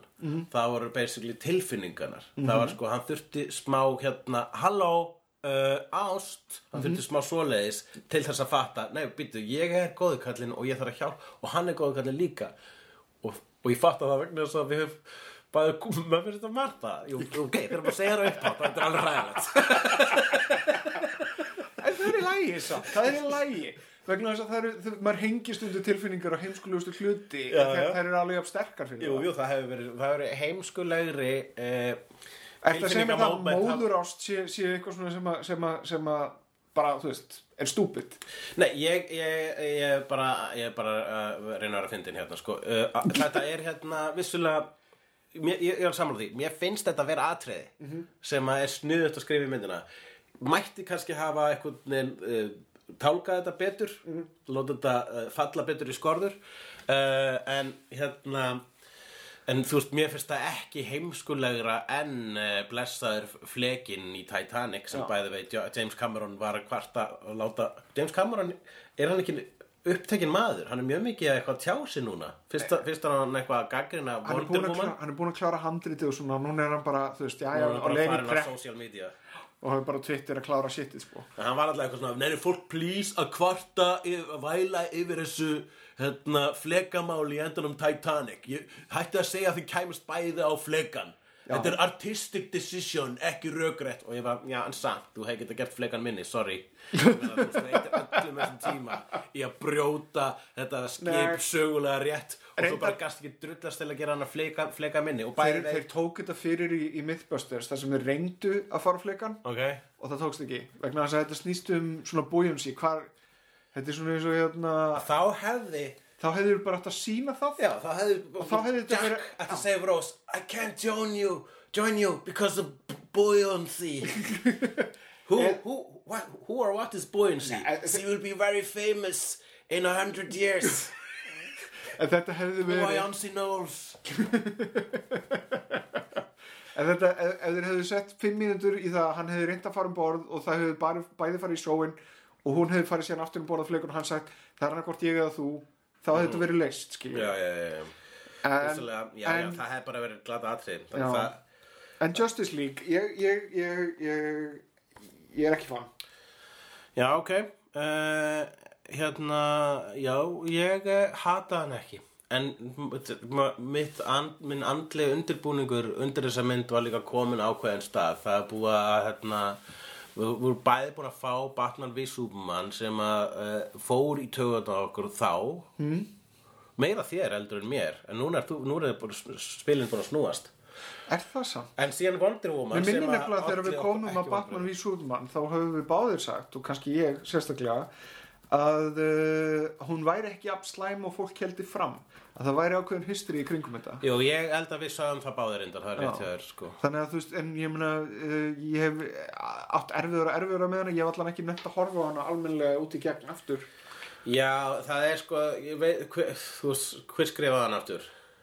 uh, ég man það ekki Já, ok. Allavega, sá sem skrifaði hana, hann hérna, eh, ha, það var, fókusin var rosalega skrítin og, og myndin var rosalega dark. Já. Bara um leið og komið ljós að Batman væri að bóksalega brenni merkja glæpamenn. Já, Hann þar, brenni merkti þá. þar erum við þar erum við einmitt með hérna, Batman sem sko- var tónalí þá Batman Ekki einu off sinni pönni sér brennimerki glæfamenn Hann drepur það bara, þú veist. Já, Hann er svona, hann, hann, hann pyntar það ekki nema til, til, Já. fyrir, af, af, þú veist, til að komast að upplýsingum. Hann, En Batman brennimerkir þá eftir hann er búin að ná þeim hendur þeim sínu fangelsi svo að þeir veru örgulega drepnir í fangelsinu fyrir að hafa verið brennimertir af Batman. Já, eða, eða hildir. Eða hildir? Já. Ekki í fangelsinu. Í fangelsinu þannig að "Ah, er þú líka óvinnur blökunar já, við erum vinnur uh, en hver Já, veit, já, Jæna, var- en að því sögðu þá, þú veist, þá var Batman of grimmur í Batman v Superman. Ja, en kannski þurfti hann að vera þeim stað til þess að vilja drepa Superman, ég veit ekki. Superman var meira sá grimmur í Batman við það var allir bara voðalega grimmir. Var mjög dark mynd. En síðan þegar við förum í Justice League ég ætla bara að segja það ég fekk svona Joel Schumacher lykt af Já. sumum senum þarna. Það voru, það voru, það voru leikfanga eðna, sölu ræður þarna nýju Batman leikfengin ég fekk, ég hefði svona óþægilegt. Sko, og ég, allir hinir karakterið voru bara einhvern veginn svona uh, Cyborg bla Aquaman fekk ekki nógu mikið tíma Flash fekk svona eiginlega mestan tíma en, en sorry með mig, mér fannst hann ekki nógu að fyndin. Já, ég, mér var Flash góður. Kann- Ég hló ekki þetta mikið uppátt á hana Hann var svolítið basic brandara En, en, en mér Mjög finnst- eh, Leikarinn heitlari og ég tel að sé hægt að gera góða Flash-mynd uh, Hér er málið. Sko við það sem að eh, hefur böggað fólk hvað varðar DC eh, áherslunar í kvikmyndunum er þetta darkness og það sem þú kallar dökka litapalettu eh, og sem að er einmitt bara endurspeglar einmitt myrkrið í myndunum. Þeir eru að reyna að vera of töff þeir eru of dark, þeir eru að reyna náttúrulega eðlilega að gera ofurhetju uh, línu sem að uh, getur keft við Marvel en er ekki að sama Marvel. Uh, og það er að leiðandi þess vegna held ég að þeir hafa ákveð að fara svona á fullorðinslegri slóðir eða einbeitt sér minna að gera pjúra fönn myndir. En í staðið þá gerðu þeir í grunnatröðum bara Hells Angels með trúðafarða. Já, akkurat. En hérna, það sem ég held að misikinn séu sko uh, ég, þeir, ég, ég, við, ég hugsa á mörgum nördaheimilum þá hafa bjarga pínur raskaðinu sínu með Justice League. Mm. ég, það er, fer, fer alveg ágætis orðamyndinni. Hún er samt líka svo, hún er mjög divisive. En það eru það hún eru, er með, hún er með bara vestu kritík uh, af flestum óreitum hún er að fá mjög slæma dóma já, ekki er, af slæma Suicide Squad sem er, er, er, er, er haugadrast Það er til margar miklu verri ofurötu myndir en Justice League. Ég held að sé bara það að núna eru allir fó, allur fókus á þetta. Mm. á ofurötu myndir og sérstaklega á Marvel vs. DC. En mér finnst hún, uh, um, er nú ver- verri en flestar Marvel myndirnar, sko. ég held samt að Justice League sé að fara að, ná peningunum mig Já, en ég veit að það, eru... Ég, uh, í ég, Kína Ég vil lesa DC fórum þar sem að DC nördar eru ánæði með þetta en líka DC nördar vilja sjá Zack Snyder köttið. Já. Vegna þess að þeir, þeir eru byrjar að kaupa þetta skrýtna, fyrir, skrýtna struktúr sem að Snyder er að gera. Hvort að e, það muni standast tímans tönn, það veit ég, alveg, það veit ég ekki og efast svolítið um. ég held að þetta sé aldrei að fara að gerast vegna þess að þau- þótt að þið fá köttið frá Zack Snyder þá þýði það, þú veist, einhverjar 50 miljónur dollara sem að fara í tölvu shit Já. Uh, að- að að- að klára að vinna þetta. Og það er bara það er ógeðslega dýrt og það er ógeðslega tímafrekt og það er aldrei að fara að gerast. Þeir fá ekki þetta kött, þeir geta bara sætt sér við það núna. Já, það sem að ég vil, ég held ég sagði þetta síðast bara... þetta er líka einn dýrasta overhedjumynd allar tíma og hún ber það ekki Hún með sér. bera engan veginn með sér. Um, allt og mikið af lélögu sétti sem var skotið á sínstu stundu og er svo blúskrínlegt Mhm. og síðan er það yfirvara skeggja þar sem Það þú er fær svona skringilega hreyfingur á efri vörunni. Brandari ársins. Ég mann í hálfdagatri, þá vissi ég ekki að það hefði verið blöra, þú veist það hefði verið tekið burt yfir að skekja. Þessu, ég var allir tímann bara að hugsa hvað er í gangi? Hvað er í gangi, ég Þetta er ekki Súpmann, þetta er einhver svona vélmenni sem er að þykjast fyrir Súpmann eða Súpmann fekk slag. Já, hann var með svona, svona skrítin svip. Hann var alltaf svona etna, uh, hann var svona vandræðilegur í framann Þetta var, ég var alltaf bara, af hverju er leikur hann þetta svona, eða af hvað kom fyrir hannum, skildi ekki hvað er í gangi. Þegar þetta, þetta kom ljós bara ó, en á sama tíma byrju, þið hafið tæknina til að geta gert þetta betur.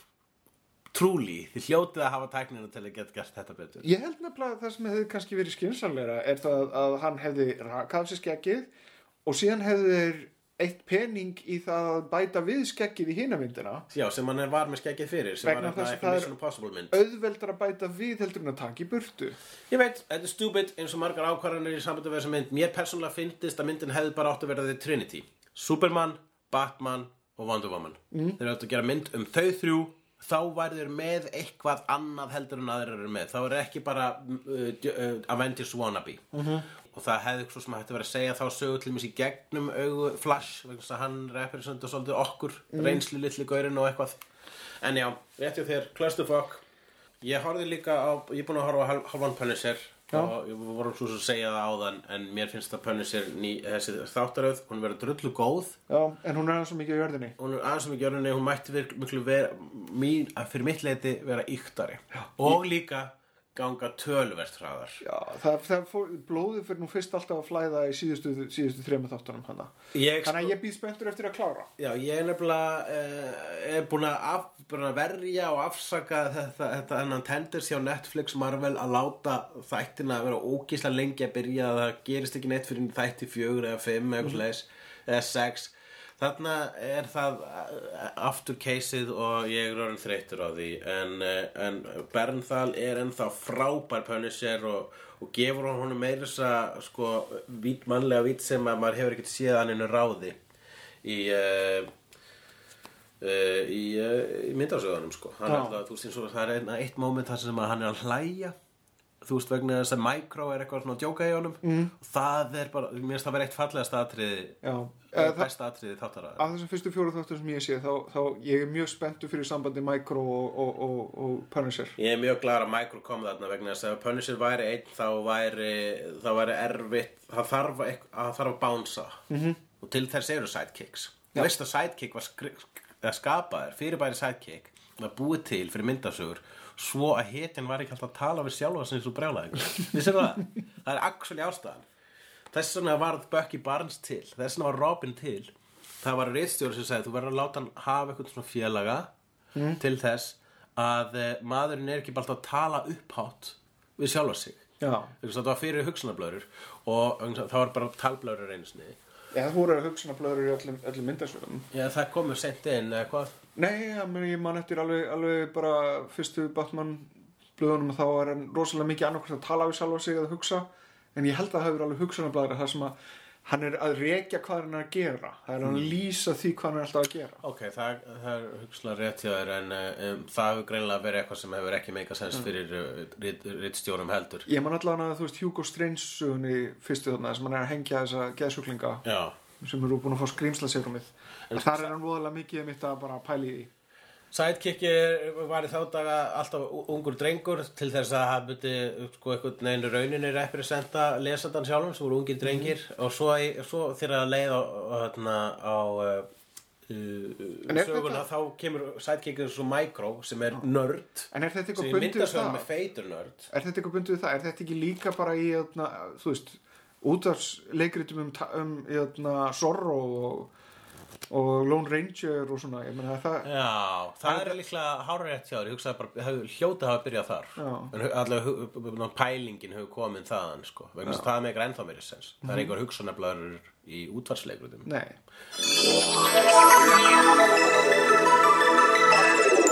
Auglýsingar. Kærustu, elskustu og bestustu jarðarbúar uh, hef ég sagt við ykkur nýlega og því ég vænt um ykkur.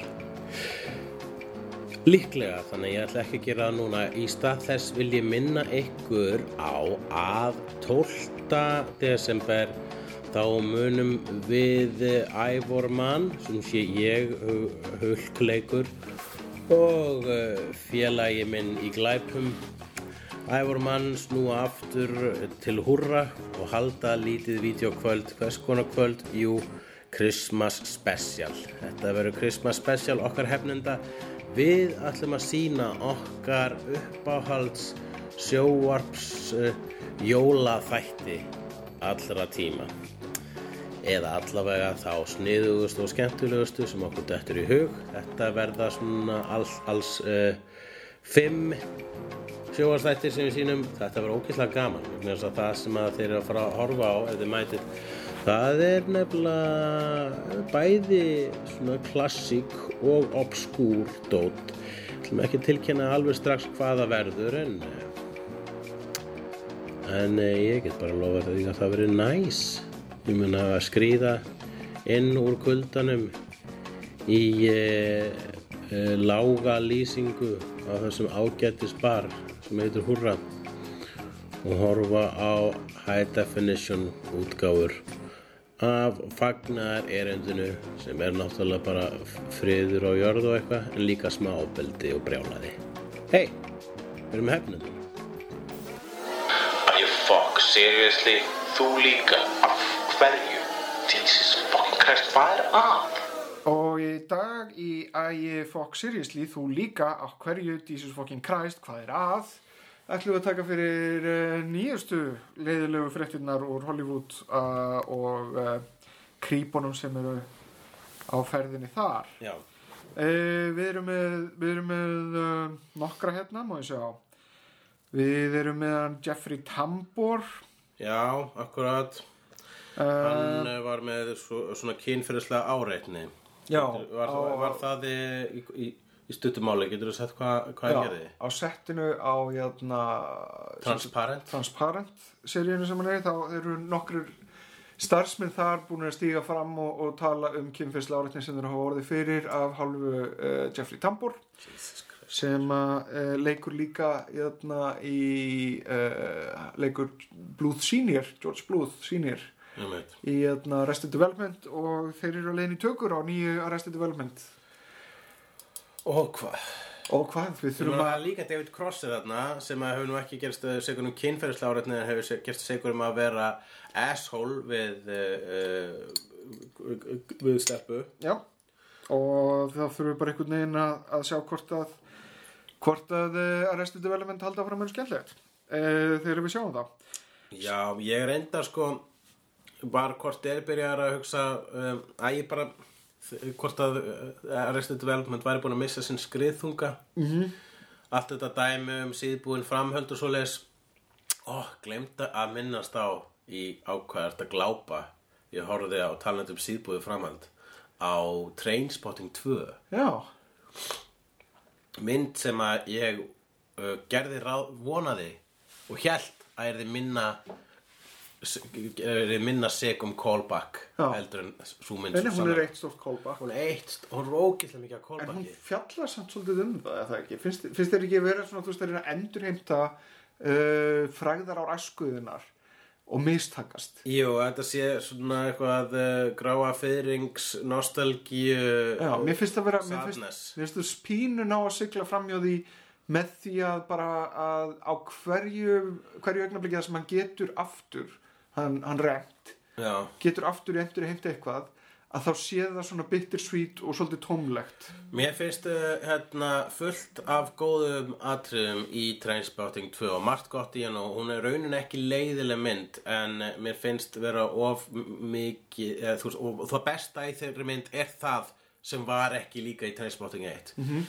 en uh, eftir að það voru komin allavega þrjú callback og þeir hjöldu áfram að koma þá var ég byrjað að ránkóla augunum og og, og, og var bara svolítið fyrir vonbreyðum yfir að, að svona skapandi lið skuli actually hafa dotti í þessa blessuðu grifju þess að ég, ég þólit ekki. Þetta, þetta Ok. er óþarfi. Ég kann, kannski, og, ekki ást, og, og, og, og rauninni ekki ástæðan að við viljum framhöld uh, en höldum áfram með að tala um Ægi Fox, seriously, þú líka af hverju, Jesus fucking Christ hvað er að? Jeffrey Tambor og líka Al Franken sem að ég held mikið upp á en get ekki alveg gert það akkurat núna. Nei, hann er, hann er pínu ves Al Franken sem að sko ég var að hlusta podcast viðtal við hann bara mjög nýla það sem ég er bara svona við þurfum svona stjórnmálamann. Al Franken er sem sé grínisti sem að var uh, flottur og fyndinn í Saturday Night Live og gerðist síðan þingmaður í bandaríkjunum og ég hef stundum gaman að fylgjast með hann á YouTube vera að sinna þingstörfum. Núna kemur að ljósa að hann hefur eitthvað að vera að káa Já, Já, uh, sem sagt fyrst kom þarna ein uh, kona fram með uh, ásakanir það þegar þau voru að fara í svona USO tour 2005-2006 held ég. Já, þá áttu þeir að gera eitthvað svona beitt USO tour þá er þeir að skemmta hermönum í útlöndum þar sem þeir eru ykkur staðar að sprengja brúnt fólk uh, Jæna, uh, þá áttu þau að gera eitthvað grínatriði og að meðan þau æfðu þetta grínatriði þá þá jæna, fór hann í óvelkomin sleik við hana já til. óvelkominsleikur það er, það er glatað sko. Já. Uh, Ég meina, þú veist, þú veist hver- hvernig ferði óvelkomin sleik vegna þess að sko, við erum að tala um þarna uh, þegar allir með, maður er sem sem þú varst að- þarna á bar mm -hmm. varst að tala við uh, hugulega konu, þú ert singul og þú veist að hún er singul og, eftir langt samtal þá er byrjuð að hugsa það getur ekki verið að hún sé að tala við mig bara vegna, þú veist, hún hlýtur að áhuga mér mér þykir hún aðlæðandi svo heldur maður að mómenti sem komið þar sem maður hérna uh, bara, ó ég held að við séum að fara að kissast Já, já, já. sem mörg, þú veist, sambönd byrja jafnvel svona sko. Og svo, svo, svo ferðu svona you go for it Já. og ferð hana, kissir og þú bara um leið, sko, um leið og vari snertast og þú veist að það er óvelkomið þá er bara, oh, fuck, sorry, fyrirgeðu og þú ert auðmingi og hata sjálfa því eina viku eða svo. Eh, En en ef að þá- sko þú ferð síðan vörunum og síðan bara treður tungun inn Já. og þú veist það, það á að vera nokkuð ljóst til að byrja með að þú að kost, það, maður fattar strax um leið og varir snertast, snertast að kost er óvelkomin. Já, það er uh, það, það finnst. Það finnst sko. en eh, og ég meina hann er eh, líka edru og þetta er í æfingu og eitthvað svona, svona, svona leiklistar ógeð það sem að þú, þú átt að kissast en þú veist, síðan ég veit að maður hefur heyrt sögur frá leikonum sem að hafa lett í þessu að uh, sem sagt kallleikarar hafa gripið tækifærið og gengið lengra heldur en, heldur en þarf er. Þá í bara í, í leik. Þeir eru að vera að æfa senur eða eitthvað já, já, já, og þá bara einfallega að fara allavega þegar það þarf ekki. Það er algjör óþurri æfingu? Á, við æfingu eða við að spuna eða eitthvað svona dæmi sko, og, svona, og það er alltaf verið að þjálfa þessa, þetta instinkt að skilur allt sé leifilegt í leikhúsi en það er það ekki. Já, þú veist líka, ég hugsa líka að það er náttúrulega, þú veist, og ef maður ætlar að nota afsökunar að, að línutnar séu óljósar þar þegar kemur að þeim að, að spila þetta stóra þykjódæmi sem að leiklist er, eh, þá einmitt er ekki lág sniðast, þú veist, ef þú ert til mist að, að þú ert að fara að leika í atriði á móti annara mannesku og þið að vera ástfangin að vera mikið í sleik og kynlýsatriðum í myndinni eða leikritinu, þá held ég að, að það er bara réttast í upphafi æfingaferlis að bara einfallega setjast niður og segja já, já, hvernig erum við að fara að gera þetta? já, hvað má, hvað má ekki, hvað eru mörkin Já. hvernig, hvernig líður þér best? Nákvæmlega. Vegna þess að þau eru ekki að fara að vera eitthvað svona að hanga upp í sofa í sleik bara svona á æfingum bara til þess að æfa sleik. Uh, en síðan er það John Lasseter. Já, og Unwanted Hugs eins og hann orðaði í einhverju yfirlýsingu sem hann gaf út þar sem hann steig til hliðar sem uh, aðsti toppurinn á animation-dildinni á Disney uh, og frá því þá hafa komið út einhverja sögur um það að John Lasseter er mjög gjarn að það að kjassa og knúsa fólk sem að á þess að það vilji það hvað er- þegar að kjassa og knúsa fólk hvað er verið að tala um? Ég veit það ekki, það er nefnilega vandamáli við þetta, Ég- þetta, er, þetta er mjög óljóst, það er engin búin að stíga almennilega fram, veist, hann bara rétt- steig til hliðar. Réttir fram sko faðminn heldur utan á mannesku erum við að tala um að hann heldur of lengi utan á manneskuna og er hann að kissa hann á kinnina þá á sama tíma eða, eða bara það er óvelkomið. Eða einhver er að grípa um mannesku og faðma og svona snerta á án þess að það sé að gefi leiði fyrir því já, já, við við þekkjum öll svona faðmara. Já, faðmar eru hræðilegir. Mm, Já, hvað, ég, ég þekki fullt af faðmurum en ég ekki neina sem ég líti á sem sko kyn, sem sé kynferðislega áreita mig eða, en síðan en ég kannski veit ekki, en ég meina þú veist það er, það er eins og segi, það er frásagnir frá Pixar eru að fólk að koma með tækni við það að reyna að komast undan svona Ok, þá svona er það nokkuð obvious að þetta er ekki einhver svona eitt stór miskilningur á ferðinni og Lasseter er ekki einhver svona vinalegu kall og allir miskilja hann það er, það, ef þú ert faðmari -hmm. og ert að faðma fólk og hæ -hmm. og veist það, þá, ertu, ertu tilfinning að vera og það er að leiðandi með eitthvað svona tilfinningalegt intelligence -hmm. og fólk með til, tilfinningagáur veit þegar að fólk verður pyrrað á þeim Já. Þannig að hann ætti að hafa fattað það fyrir löngu að bara svona nefnum kannski ekki alveg að vera svona mikið að knúsa okkur að svona skrítið En síðan er hann náttúrulega maðurinn sem stopnaði Pixar og er dáður og virtur og, og hann býr til ákveðin kultur í kringum það sem allir jú, er að vera vinir og það leika valdið. sér út um allt og Svona valdið En hann hefur vald, hann, hefur, hann er í stöðu þar sem að þú veist, hann ræður því hvort að þú heldur áfram vinnun eða ekki.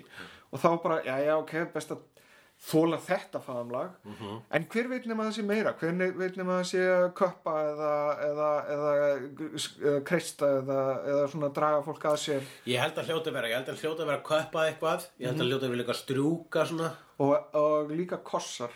Jesus fucking Christ, hvað er að? Mm -hmm. Herru, talandi um það sko, ég hérna uh, er, var einmitt þú veist, hashtag ekki vera Ragnar Já, Uh, hérna, það uh, var, fór á flegiferð núna í vikunni. Uh, og uh, var mér mikil blessun vegna þess að ég nýbúið að ráða mig sem myndasögu höfund stundarinnar. Já, ég skila ég sá, ég sá hérna áhugavert samtal. Já, ég maður langaði að tala um það.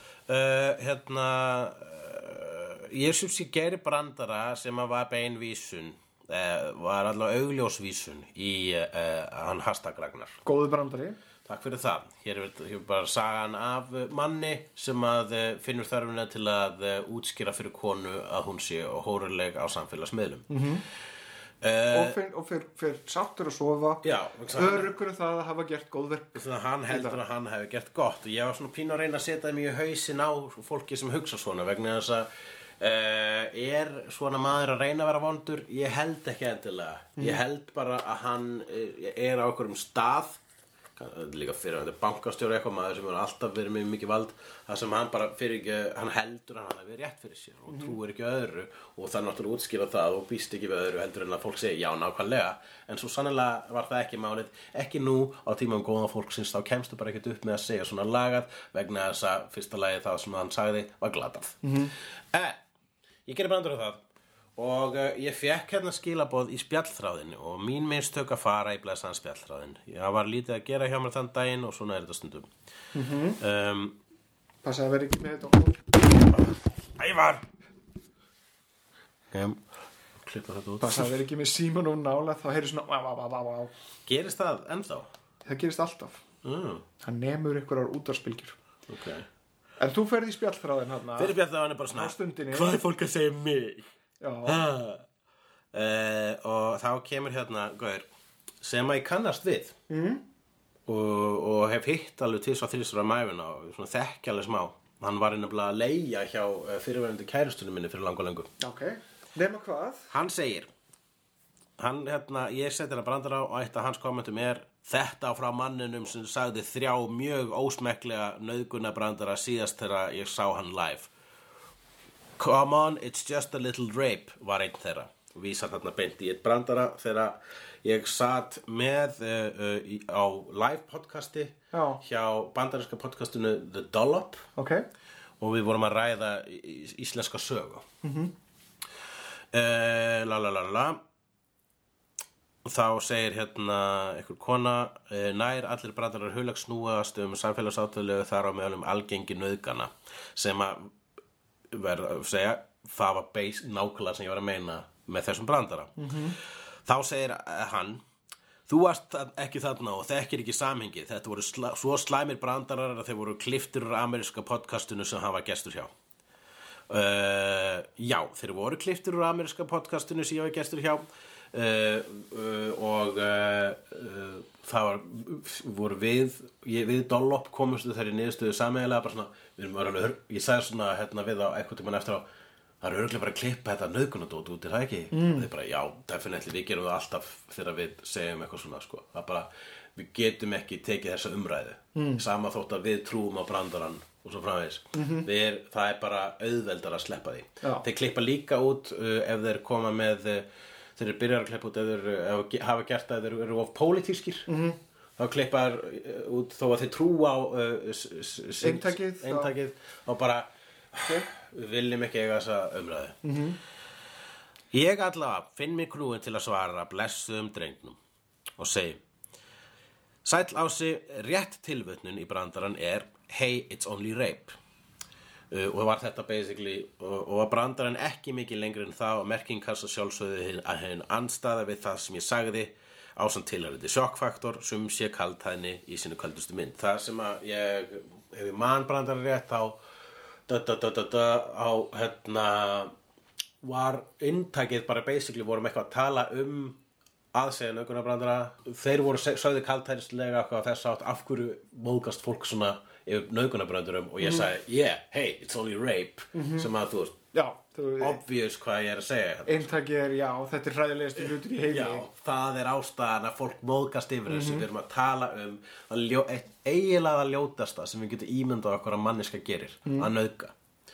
Og uh, þess vegna þegar maður segir hey, it's only rape obvious að ég er að meina hvað ég er að meina Uh, og segir síðan að það hefði verið skynsalegt að dollop drengjunum að klippa og djókið enda allt djók af þessum toga og glerhálum í svo auðvelt að miskilja. Sjálfur hef ég klift vafasafa vonlænera úr eigin podcastum til að forðast að finna mig knúin til að skrifa fæslur sem þessa hér.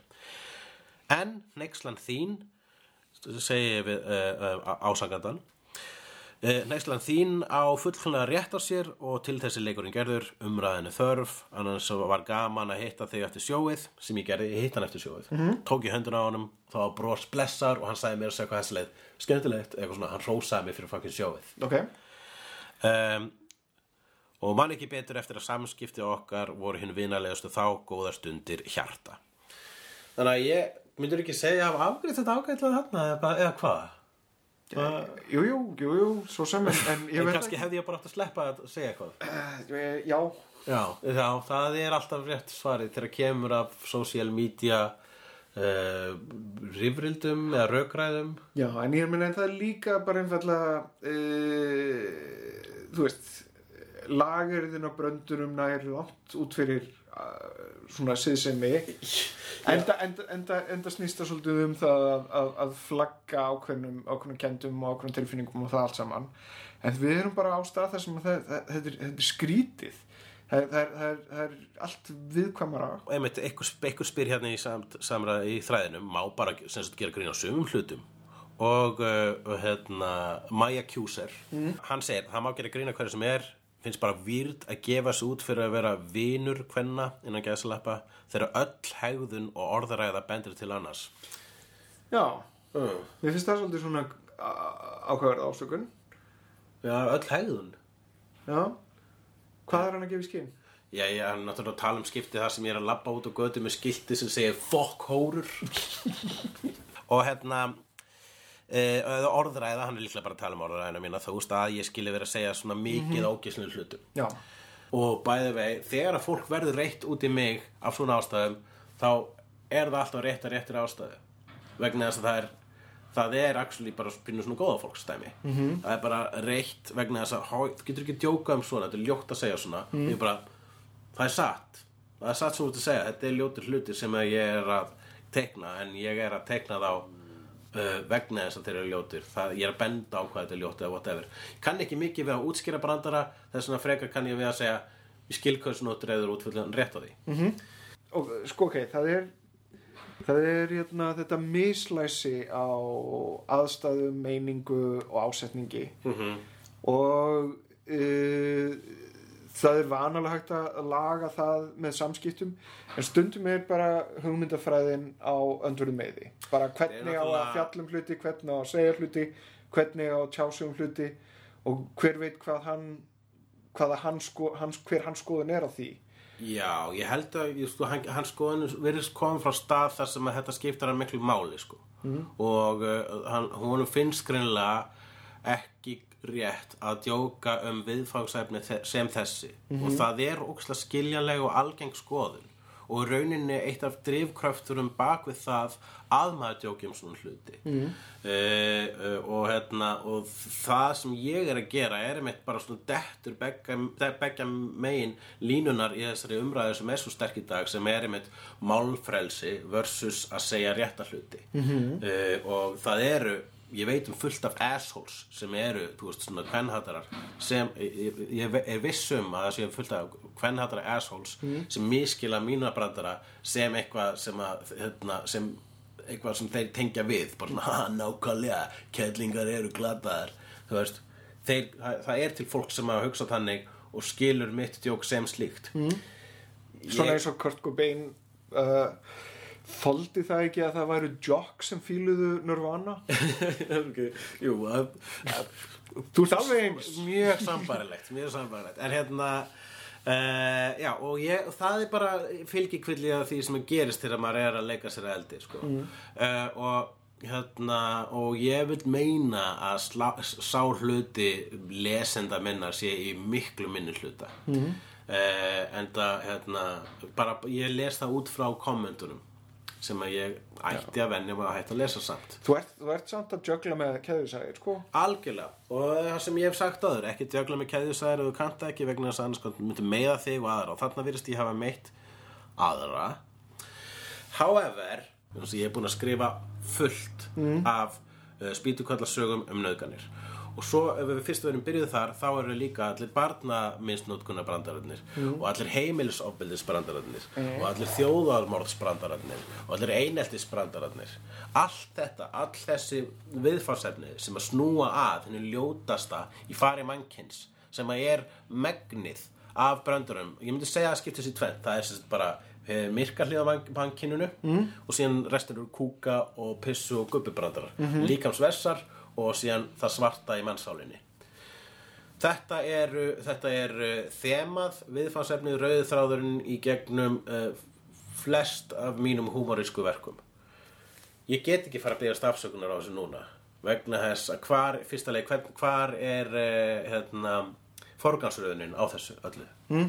Og líka, ég veit hvað þetta snýst um, það vita það flestir. Uh, ég held að mín mistök voru bara einfallega að lesa helvitis kommentakerfið. Það gæti líka verið það. Já, mér finnst það leðilegt sko Það er, en ég hef á, hérna ég var sko maður hefur séð sko hérna mikið verið, þetta hefur, maður séð þetta kom fyrir aðra grínista mm. að þeir eru sagaðir um að vera óviðjandi húmor og bandararinn er ógíslegur og þeir eru eitthvað sexist eða rasískir eitthvað svo leis uh, og ég hugsa bara, það hlýtur að koma að því að einhver segir ég þurfa að byggja stafsökunar En kannski, kannski má líka bara staldra við eru brandararnir fyrir alla. Þeir eru náttúrulega ekkert fyrir allra Þeir eru fyrir þá sem að tengja við þá og þeir sem að tengja ekki við þá, þeir geta leitað annað. Já, Já en hérna, ef að fólki finnst ég vera vond, les það út frá þessum myndu sem að ég sé vondugaur ásökunin, er, hræstni en uh, svona með það sem ég þekkja því þá, þá, þá ert þú nú frekar einlegur í, í, Já, í bæði stuðningi við konur. Ég þarf ekki, ég þarf ekki neina yfirlýsingum að ég sé góða fara, fara varlega það sko. Ég Nei, en ég, meina, það, ég er bara að tala um það, þú veist, að þetta er það, er það sem menna, veist, ok, brandarinn með uh, þessi Ragnar Örnundarssona brandari Já. í stundinni var bara frekar spot on Já, Takk fyrir það. Uh, og góðu brandari. Uh, og ég veit ekki alveg hvort að þetta var rétta skotmarkið sem að, sem að þessi gæi valdi. Já, ég Þannig að þú veist, þannig að- tilfinningur hann eitthvað sérstaklega mikið á móti mér og ég bara af hverju, Já, þið, langar bara til þess að vita hvers að þú ert ekki elskaðar af einu manni Já, þegar allir aðrir eru að klappa. Þetta er mjög, mjög svona petty petty og léleg ástæða til að vera sár. Ég bara, hei, þú gaur sem ég heitt til svona æfinni og varst actually mjög næs við mig eftir podcastið sem þú varst að neykslast yfir. En ég þekki þessa Akkur tilfinningu segir þetta við mig? Og akkur segir þetta ekki við mig einn persónu? Já, ég þekki þessa tilfinningu bara rosalega vel þegar maður les gaggrín á verk sín að það eina gaggrínin sem hangir er neikvæða gaggrínin sem fokka manni upp og maður hugsa, á, hverju elskar þessu mikið? Ég held að það sé, já, jú, en það er, þú veist, ég held að það sé bara, hérna, eðlilegt ástand listamannsins. Ég meina, að vera listamaður, það er nöð, svolítið nöðsilegt að vera viðkvæmur -hmm. og að þú ert viðkvæmur þá þýðir bara að, þú veist, að eh, Já. þú, þú sett næmur, basically. En við erum líka, við erum bara, þú veist, svona sem samfélag þá erum við á leiðin á stað þar sem að það þarf einhvern veginn að vera allt fyrir alla alltaf já, er sem er, sem er, sem er áhugavert. Ég nefnilega, Ég veit það ekki. Ég veit að það getur skrýtni tímar með því getur alltaf af, afskaplega leiðilegt en ég á- ætti kannski ekki að einbetta mér að þessu uh, fólk er reitt út af uh, réttum ástæðum og ég á kannski bara að leifa því að vera reitt í stað þess að reyna að afsaka eða útskýra sjálfa mig en ef ég geri það þá er það rauninu út frá mjög sjálfhverfum uh, ástæðum sko. það var bara ég að reyna að bjarga raskatunum sjálfum mér en ég hefði náttúrulega átt að fatta og ég fattaði það fyrir löngu og hef alveg lent í svipuðu áður sko, að hérna að það mun, þetta, svona laga mun særa fólk uh, en, uh, en það sem að hefur alltaf raunni, ef ég á að segja eins og er uh, svo ég seti mig upp á smástall hérna, að það sem að ég hef það sem hefur bjargað minni æru þegar ég stundum sko, er búin að vera þegar ég líti yfir minn, mín, með, með uppsafnaða uh, samansafn af ógeðisbröndurum mm. þá er ég stundum bara svona hvað er ég að gera? Er ég að gera góða hluti eða er ég bara svona að, er ég að græða á hérna, hennu slæma? Ég veit ekki, ég Og- með, skoða, skoða þetta kannski út frá hryllingsmyndum sem sína tortúr, morð, Já, skelfilega hluti já, en þú horfir í augun á grílunni þú upplifir ákveð svona endorphin kick þú upplifir óttan Já. og þú farið að takast á við Góð eitthvað hérna eitthvað, eitthvað smá stund að þetta er, veist, það er það að, að, að velta steininum og skoða marflagnar er stundum bara heilbrygt og er leið að því að, að vinna úr því öllu hræðilega sem er til í heiminum? Ég, það er bara eh, hafa grínist að sagt það uh, uh, Daniel Sloss sagði mjög flottan hluta sko, einmitt, hann, einmitt, hann tal- talar um einmitt, mjög um, hluti sem að fólki mörgum finnst ekki vera eitthvað sem ættir að gera grín af. Og, hann, og em, einmitt, uh, hann segir að hvernig getur þú gert grín af einhverju sem að særir og syrgir svona marga? Og, og hann segir hérna, andstaðan við uh, sorg, anstæðan við eimd er ekki hlátur. Anstæðan við sorg er indifference. Það það að láta þetta sig engu varða að vera skýt sama. Það er anstæðan að hlæja einhverju að benda á eitthvað og segja fokk þetta, ha ha ha. Við getum gert, við getum, þú veist, ég er ekki hrættu við þig. Sem er það sama þú ert að gera þegar þú ert að horfa hryllingsmynd, þá ert að horfa stöðum og óttan það er andstæðan en uh, ég, það sem ég ætla að segja er það að hérna, uh, ég hef liðið um farin veg og, stundum efast um uh, hvað ég er að gera svona, ef ég er kannski lítið límur þann daginn, jafnvel þunnur eða eitthvað og er verið svona, oh my god ég meina, ég er, veist ég er ekki að gera fallegt það sem ég er að gera ekki fallegt að ljótt. Er ég að bæta á ljótleika heimsins? En þá fæ ég stundum bara sko, en þá, það sem bjarga mér og svoleiðis efa er þegar ég fæ skilabóð frá nöðgunarfornalömbum frá fólki sem hefur verið misnotað í æsku frá fólki sem hefur mist börnin sín uh, í eitulif vegna þess að ég hef líka gert, gert brandra um það um fólk sem deyr að veldum eitulifja og svoleiðis, ég fengi enga skilabóð frá nánum ættingum bara fórnarlamba hins ljóta í heim, heimnum og ég byrð fá fórnarlambum hins ljóta í heiminn. Og þau og, og það að þau eh, þakka mér fyrir það það er bara að fallegasta sem ég geti upplifað. Og uh, ég held að við verum að stöðu þetta ég er alveg frá að gráta Ógnar fjör má alltaf sjá. Í Reykjavík Á landinu um loftin blá. Líka á sænum Hættur og háski. Látur og gáski. Hefnendur Í Hefnendur ævintýrum lendar þess Hefnendur